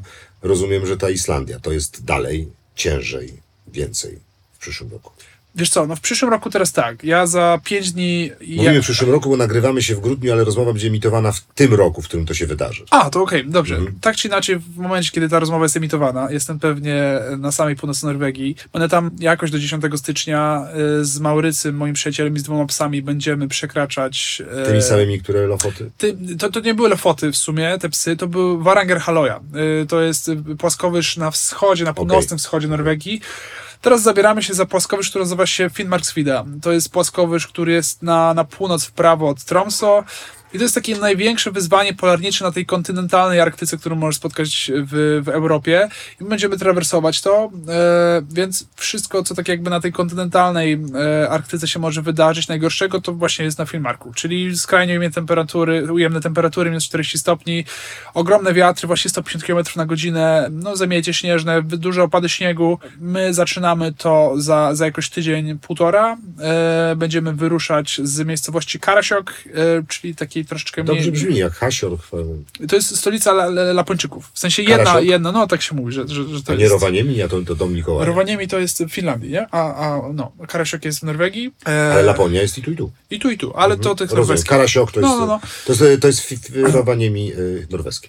Można tak powiedzieć, nie ma świętego Mikołaja, nie? Ty się parę razy ciej skułeś, ja też się ciej skułem, pomyliłem kraj. Trawersować będziemy z południa na północ. Y, powinno nam to zająć około 17 dni. Marsz w Pytam, ciemności. no bo wiesz, bo zainspirowałeś mnie do kolejnego pytania, czy myślisz o trawersie Grenlandii, ale no to... Tak, no, w sensie, ale tak. y, to też, tak, oczywiście. A o Wiesz, ja, Spitsbergenie? też, z Maurycem mieliśmy robić, Bo zamykają Spitsbergen podobno za parę lat, słyszałem. no, to ja się wyrobię szybciej. No to zmierzam do tego, żebyś działał szybko, bo podobno mają dość turystów. Wiesz, Śmieci takim moim golem golem jest na pewno trawers y, Antarktydy. To Mhm. by było super, bo to jest coś, co zrobiło faktycznie mało ludzi na świecie. Y, Między innymi Mike Horn zrobił y, trawers Antarktydy, ten wspomniany. Przez 55 dni pokonał 5000 km lecąc snowkite'em. I on właśnie podczas tej podróży wędrował przez 20 godzin dziennie i chyba pił e, litr oliwy. Tak, to e, wspominałem o tym. Dziennie, więc to jest jakaś... e, Tyle kalorii trzeba 12 skonsumować. tysięcy. Czy zamierzasz, jak już kiedyś wejdziesz w bardziej klasyczny model życia, podróżować też z dziećmi? E, wiesz co, no w, mi się, wiesz, zawsze marzył jakiś taki model e, rodziny z, z Kapitana Fantastika, nie? Gdzie żyjemy trochę... Nie znasz? Nie. Jest no klasyk, Boże, 89. nie, żartuję, no to jest akurat... To jest akurat... No to jest film o rodzince, która żyje w wanie i. Okej, kojarzę, oczywiście, no, że kojarzę. No, no. Więc ja oczywiście gdzieś tak w idealnej swojej wizji chciałem tak żyć. Oczywiście pewnie nie będę tak żyć, e, aczkolwiek postaram się to jakoś wypośrodkować. Chciałem oczywiście podróżować z dziećmi. Nie wiem, czy chciałem dzieci dawać na pierwszy etap ich życia do szkoły. Ty dałeś. Tak. Pewnie też dam. Nie wiem, jeszcze nie wiem. Wiesz, Na- teraz bardzo popularna jest, y, jest na, edukacja domowa. No. Kojarzysz busem przez świat i tak dalej. No Tak, też, znamy się. No więc masa ludzi jednak już po prostu nie, No. nie rezygnuje ze swoich pasji, dlatego że urodziło Aha, im się aha. dziecko. No, Czyli no. nie wykluczasz w ogóle takiej Nie, nie, nie, nie, nie, nie. No to pięknie. A da, dałoby się? Da, powiedz mi, jakbyś ty miał to robić. Czy to się da w ogóle? W, znaczy w mojej sytuacji obecnej nie, dlatego że ja przede wszystkim jestem aktorem i gram w teatrze. To znaczy dałoby się, tylko musiałbym zrezygnować ze swojej e, pracy. Ja nie jestem podróżnikiem zawodowo. Mógłbym, nie wiem, coś robić w internecie, jakieś wywiady. Pracuję też dla rozgłośni radiowych głosem. No to mam studio. Mogę też, jak jest internet, e, działać, ale z większości swoich aktywności zawodowych musiałbym zrezygnować. Okej. Przemieszczasz się na różne sposoby. Najczęściej to, jest, to są nogi, kajak, rower. Jako, że kajak i rower są mi najbliższe, to proszę cię o takie tipy. Ból dupy, jak sobie z nim radzisz i ból barków e, w kajaku, jak sobie z nim radzisz. O Jezus, na, na ból dupy...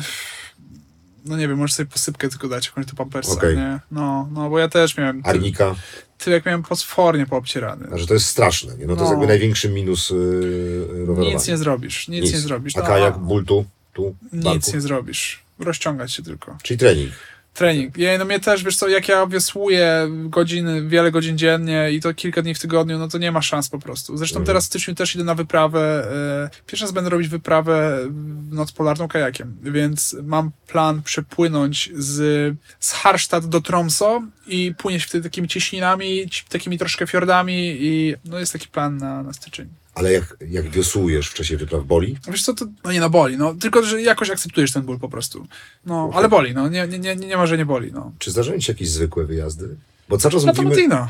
No to Matina, okej, ale nie wiem, Zamość, Krynica, Zdrój. Poczekaj, ale zdefiniuj mi Eks- zwykłe w Wiesz takim co, no, razie. no, no, no nie wiem, no y, wypad w Beskidy i... Jadę w Tatry jutro. No to już jest mniej, ale ty często jesteś w Tatrach, bardzo dużo zdjęć masz z Tatr. No Widziałem. trochę bywam. Trochę, no, no. mieszkałem chwilę tam. Gdzie na pewno nie pojedziesz.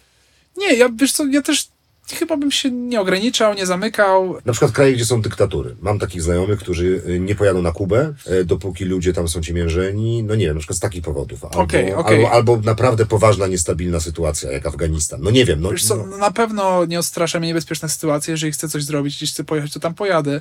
Natomiast też ja się zawsze zastanawiałem, czy w miejscach, gdzie są dyktatury, czy właśnie ludzie, którzy przyjeżdżają z zewnątrz, turyści, czy, czy ta turystyka poniekąd nie zmienia trochę kraju? Nie, są nie, dwie nie teorie uważasz? na ten temat. Nie, nie uważasz, uwa- tak? Nie, ja jestem dokładnie po środku. Z jednej strony wspierasz i pomagasz lokalnej społeczności, z drugiej strony legitymizujesz trochę, y, trochę, trochę dyktaturę. Ty byłeś w Arabii Saudyjskiej, prawda? Byłem, tak. No to tutaj jest dobry przykład. Ja byłem na Kubie, nie? I teraz wiesz, i teraz... ym, Byłeś w Izraelu? E, nie, Okej. nie, w Izraelu nie Też nie byłem. byłem. Choć wiesz co, ze względów y, duchowych bardzo chciałbym tam pojechać i na pewno chciałbym przed śmiercią wpaść chociaż na, na, na, tydzień do Izraela. Czyli jakby nie masz tego problemu, nie? Chyba nie. Chyba, chyba, wiesz co, też wychodzę z takiego hedonistycznego założenia, że żyje się tylko raz i e, jeżeli chodzi o podróże, to Ale Syrię byś sobie teraz odpuścił ze względów bezpieczeństwa. pewnie, pewnie są miejsca, gdybym sobie odpuścił z względu Mhm. bezpieczeństwa, no bo nie będę, wiesz, nie jestem taki głupi, żeby się pchać tam, gdzie bomby Nie ma to latają chyba sensu, tym zdaje się, że przyroda jest ci bliższa niż, y, niż ludzie często. Niż miasta, tak, tak, tak. Pokiego, Syrii, czy to... nie, nie, to jest... A Sylwester! To dyktatura. To trochę się skończyło To już. Ki- Kim Jong-un w Korei Północnej. Ostatni temat.